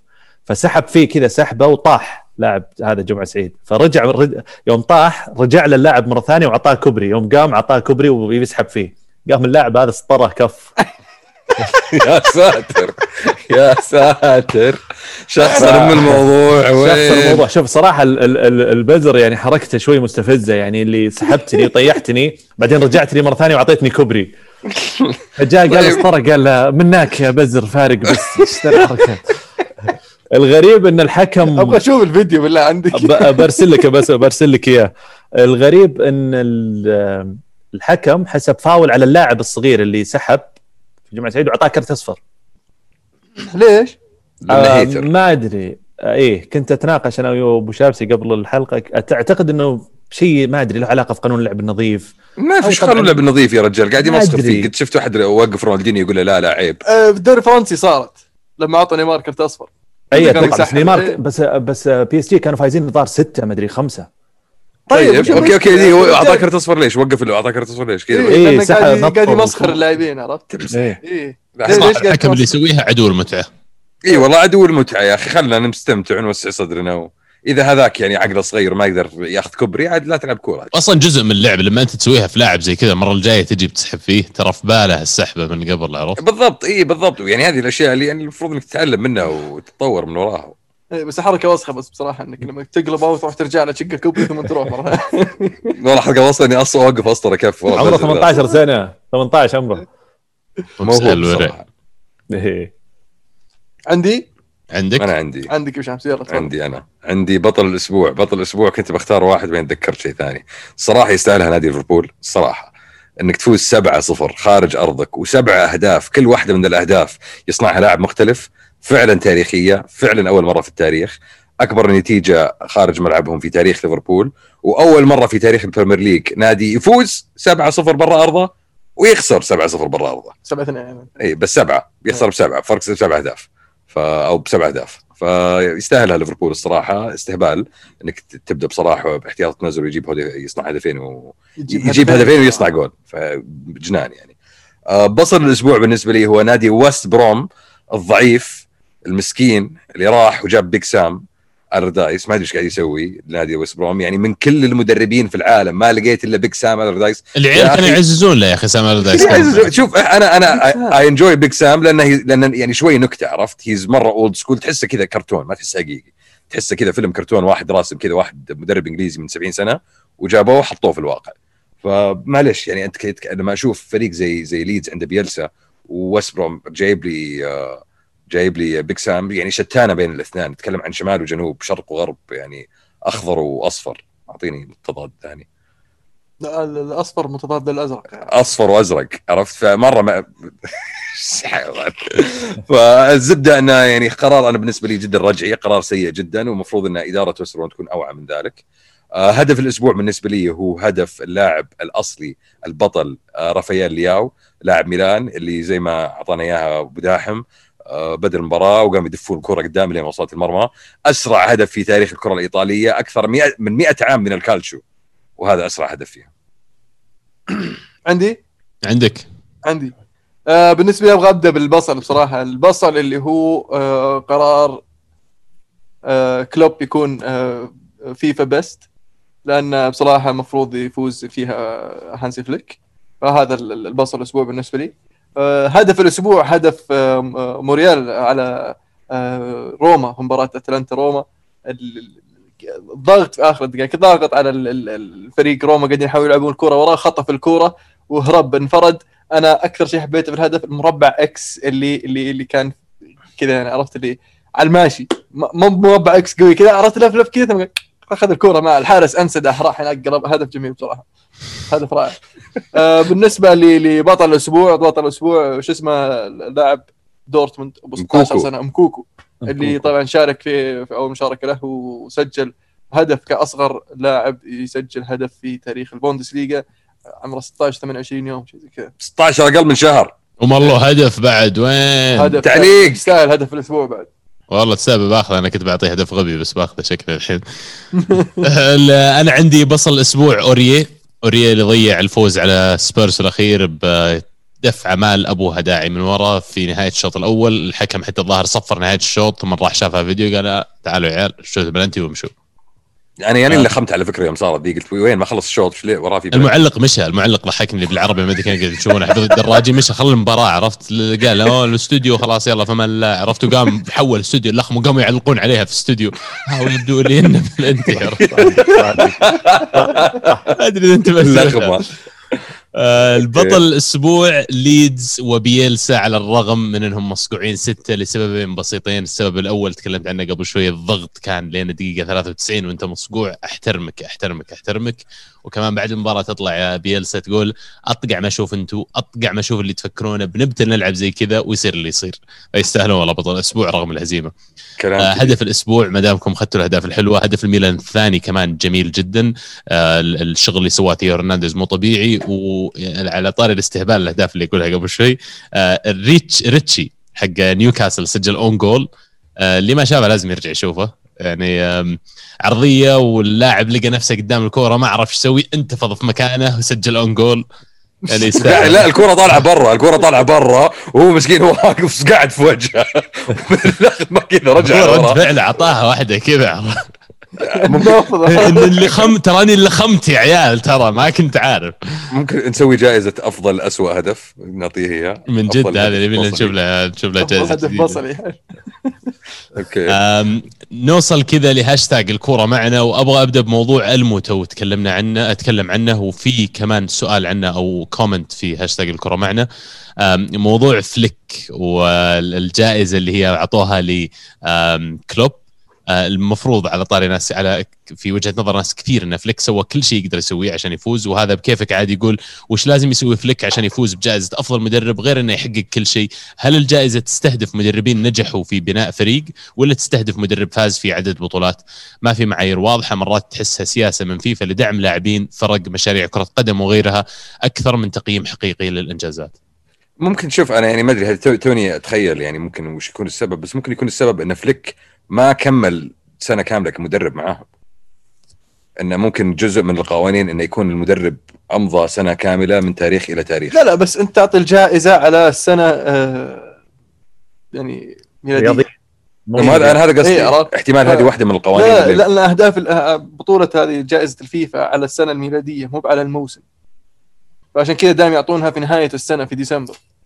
لا بس فهذا الحبيب جاء في وسوى كل شيء في 2020 يعني فاز بكل شيء literally. بس الفكرة إنه ما كمل سنة كاملة من بداية الحسبان حس- بداية الحسبان البطوله فهمت إيش قصدي؟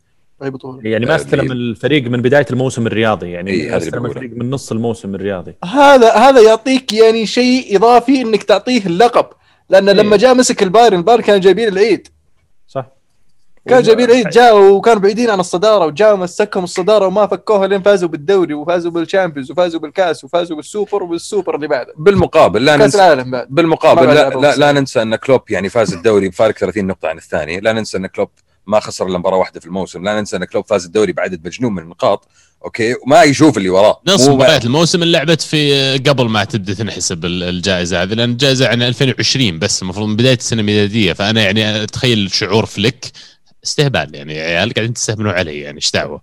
فزت بكل شيء ما في- تعطوني. في في فكرة هذه اللي, اللي ذكرتها أنت أنا أتوقع انه يعني السالفة توزيع شوي عشان ما يصير آه، كل الش فايز فيه بايرن ميونخ. okay اللاعب ليفاندوفسكي آه، الحارس نوير.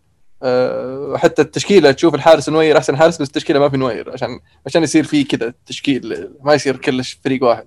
في الأخير طبعا جائزة الفيفا هذه يعني عرض استزياء كذا عرض أزياء شيء. واحتمال يعني كمان فاضي بالأخير جزء منها جزء منها يكون يعني إن إن آه، يعني الجائزة هذه ليست لمجرد الموسم الماضي الموسم الماضي واللي قبله مسألة بناء الفريق ليفربول اللي صار بطل العالم وصار في بطل. أوروبا وصار بطل إنجلترا يعني فاز كل البطولات فأنت تعطيه البطولة هذه كان recognition بال effort هذا. يا غير أخي زي, زي ما اعطوا جيجز يا أخي أحسن لاعب في إنجلترا 2013 هذه كانت تكريم بس لأنه. كان آخر موسم له. نفس الفكرة تكريم مو يعني. بنفس. ليش تكرمه؟ طيب فوزت أنت باللي قبل ليش تفوز الحين؟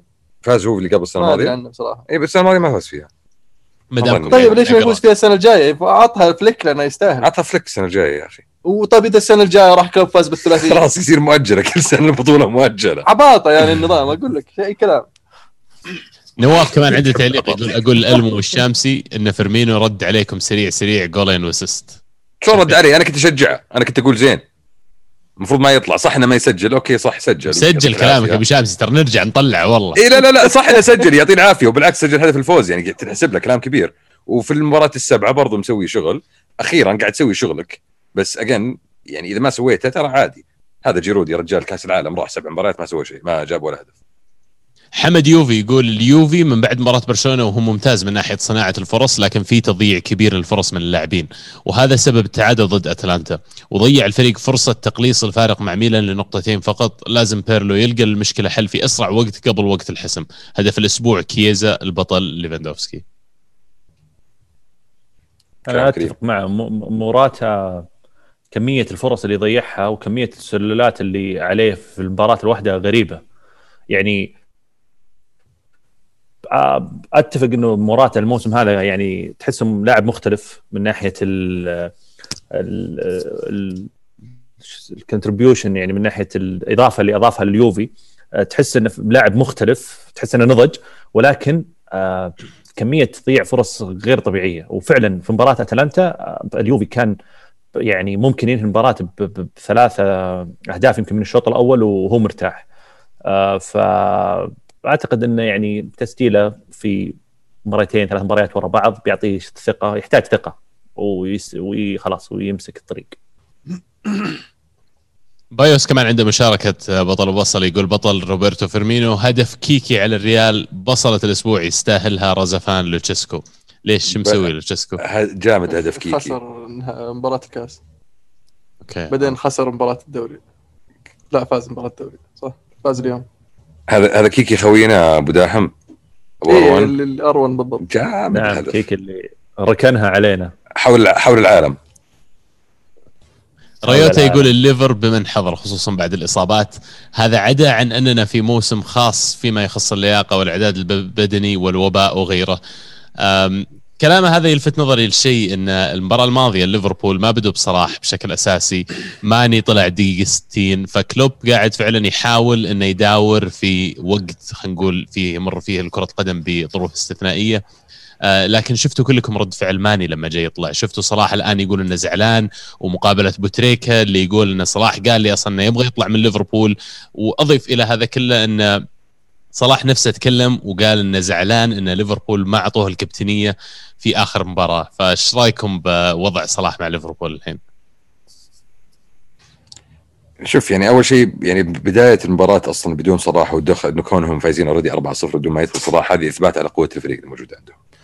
اثنين صلاح حاليا يعني لسه ما وصل 30 أتوقع وصل عمره 28 سنة آه بتكلم عن باقي إذا ماني غلطان ثلاث سنين على عقده مع مع ليفربول فنتكلم عن الحين هي بداية التفكير هل أنا وش خطوتي الجاية؟ هل أنا بستمر في ليفربول ولا هل أنا ببحث عن خطوة أكبر وأذهب أرجع إلى مثلا أروح إسبانيا وأكمل مسيرتي في مدريد ولا برشلونة؟ كونه حاليا في الفترة الباب هذه مفتوح الباب مفتوح إنه يروح مدريد وبرشلونة؟ يعني أكيد أتوقع إذا انتهى عقده ممكن عندما ما عنده أي مشكلة إنه يروح يحول أوروبا. حاليا طبعا يبغونه الانديه هذه. إذا أنت مدريد ما تبغى صلاح جاك صلاح وقال لك أنا موجود وأنا جاهز ما تبغاه؟ أنا قاعد برشلونة يعني ميسي ما راح يصير معهم الموسم الجاي فيعني ممكن. وراح يحل مشكلة إن مين تمشي صلاح ماني ولا فيرمينيو. خلاص صلاح قال لك بمشي خل ماني وفيرمينيو. طبعا بالمقابل إنك ترجع تعطي صلاح أكبر عقد يعني ممكن تعطيه في أي أحد في فريقك وأكبر عقد هو ممكن يستلمه في حياته لأنك عارف القيمة اللي يضيف لك إياها. الرجل already يعني صنع صنع تاريخ معاك صنع المجد معاك already كسر records يمين ويسار ممكن يكمل يستمر على الشيء هذا إذا أعطيته الفرصه فيبدو لي إن صلاح يعني في نقطة تحول في مسيرته مع ليفربول. أتوقع إذا كمل وفاز الدوري السنة هذه يعني ممكن شعور إنه وده يكمل في الفريق يكون أكبر بالنسبة له لكن إذا خسر وما فاز بالدوري لسبب أو آخر ممكن يبدأ يفكر جديا بالرحيل ووقتها نشوف كلوب كيف يقدر يبني الفريق من مرة جديدة من, من أول وجديد يعني. الملاهل حقنا يزعل عشان ما أعطوه الكابتنية في المباراة هذيك؟ يحق له. يعني لاعب صار له فترة مع الفريق وهو كان من بين اقدم أو أو كان أتوقع الأقدم من بين الموجودين. يعني ارلند أرنولد لاعب شاب صغير أفهم ليش حطوه الكابتنية لأنه ابن النادي وكذا. بس يعني تقديرا لصلاح يستاهل إنه يكون الكابتنية ان إن تكون يعني معاه الكابتنية في هذه المباراة. لكن برضو إنك تزعل على شيء زي كذا واضح إنك تدورها. حط في بالك شغلة صادق صادق هذه. كان في غريب بالنسبة لي ملاحظة. عليها شيء آه ليفربول لما يعطون صلاح ولا ألكسندر أرنولد ولا أي أحد كابتنية مثلا مباراة زي كذا أنا بالنسبة لي هذه رسالة يرسلونها للاعب فما تحس بداحم انه يعني إلى حد ما لما ما أعطوها لصلاح كأنهم يقولون أنت مو ضمن الخطط حقتنا في المدى الطويل؟ ممكن. أنا أنا كنت آه، أفكر وقت المباراة إن آه، إن صلاح كان كان يستحق الكابتنية بس لما شفت ردة فعله حسيت إنه يعني ما أبغى أقول مبالغ فيها بس بس مو مو مو ردة الفعل اللي ممكن تتوقعها من لاعب زي محمد صلاح. ما أعتقد إن الكابتنية تفرق معه. حلو التقدير وحلو إنك أنت يعني تشيل كابتنية فريق زي ليفربول بس آه، هذا الشيء اللي أنا ما أحبه صراحة في صلاح بغض النظر عن عن فنيا إنه دائما تحسه زعلان دائما تحسه يعني الوضع مو عاجبه عليك لغط وعليه كلام كثير.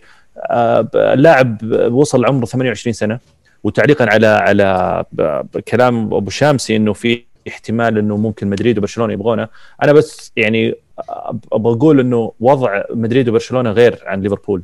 ليفربول ممكن يطبطبون عليه ممكن يروحون يقولون معليش آسفين سامحنا المو صلاح يسجل 25 هدف في الموسم وصعب إنهم بيلقون أحد يسوي لهم كذا بس برشلونة ومدريد ما يرحم. لما تجي وتزعل إنك ما أخذت كابتنية في مدريد ممكن الجمهور يصفر عليك في ثاني مباراة. تسجل 17 هدف المباراة اللي بعدها يصفرون عليك.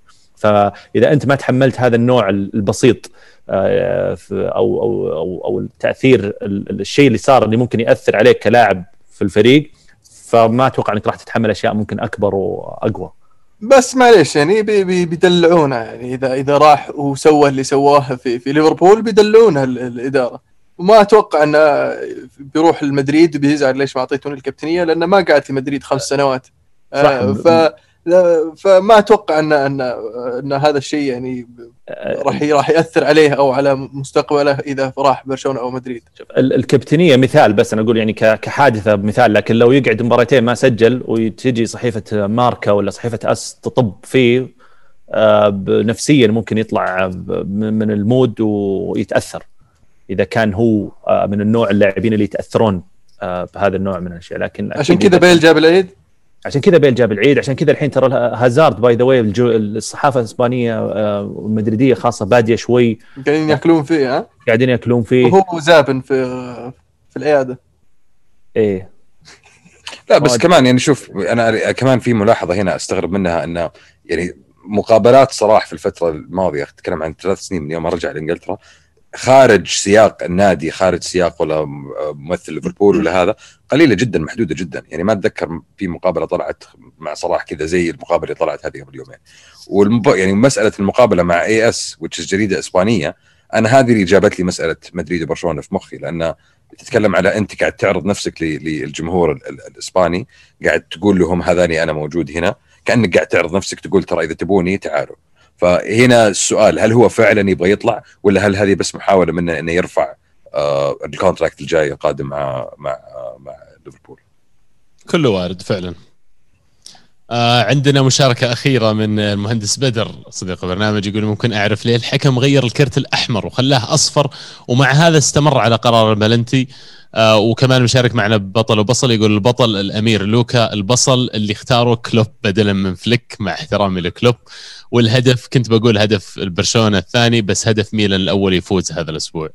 أتوقع قصده عن لقطة صارت في البريمير ليج إذا ماني بغلطان على لاعب آه، طرده الحكم على أساس إنه كان آخر لاعب في الملف آخر مدافع وكسر المهاجم فأعطاه كرت أحمر لكن رجع طلعت بلنتي داخل منطقة جزاء فثبتها بلنتي أعطاه كرت أصفر وسحب الكرت الأحمر.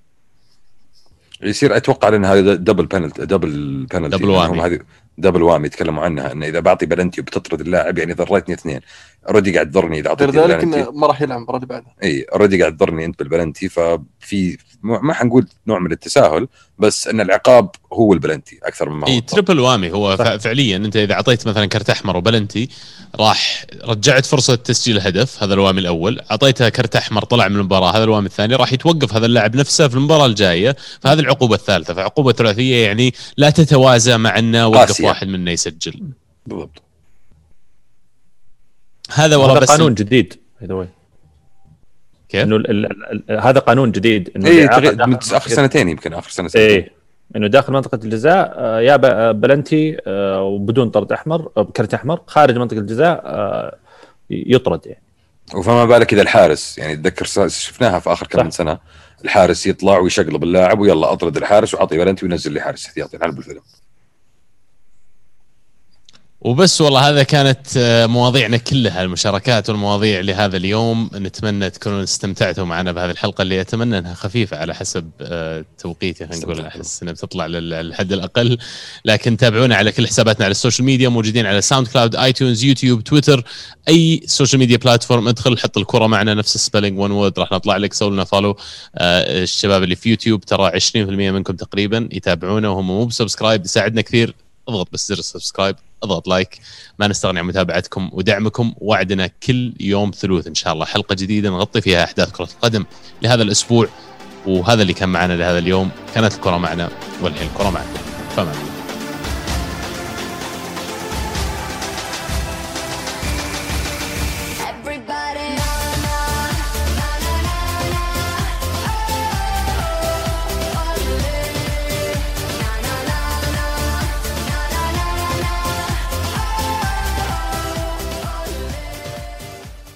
and أوكي كويس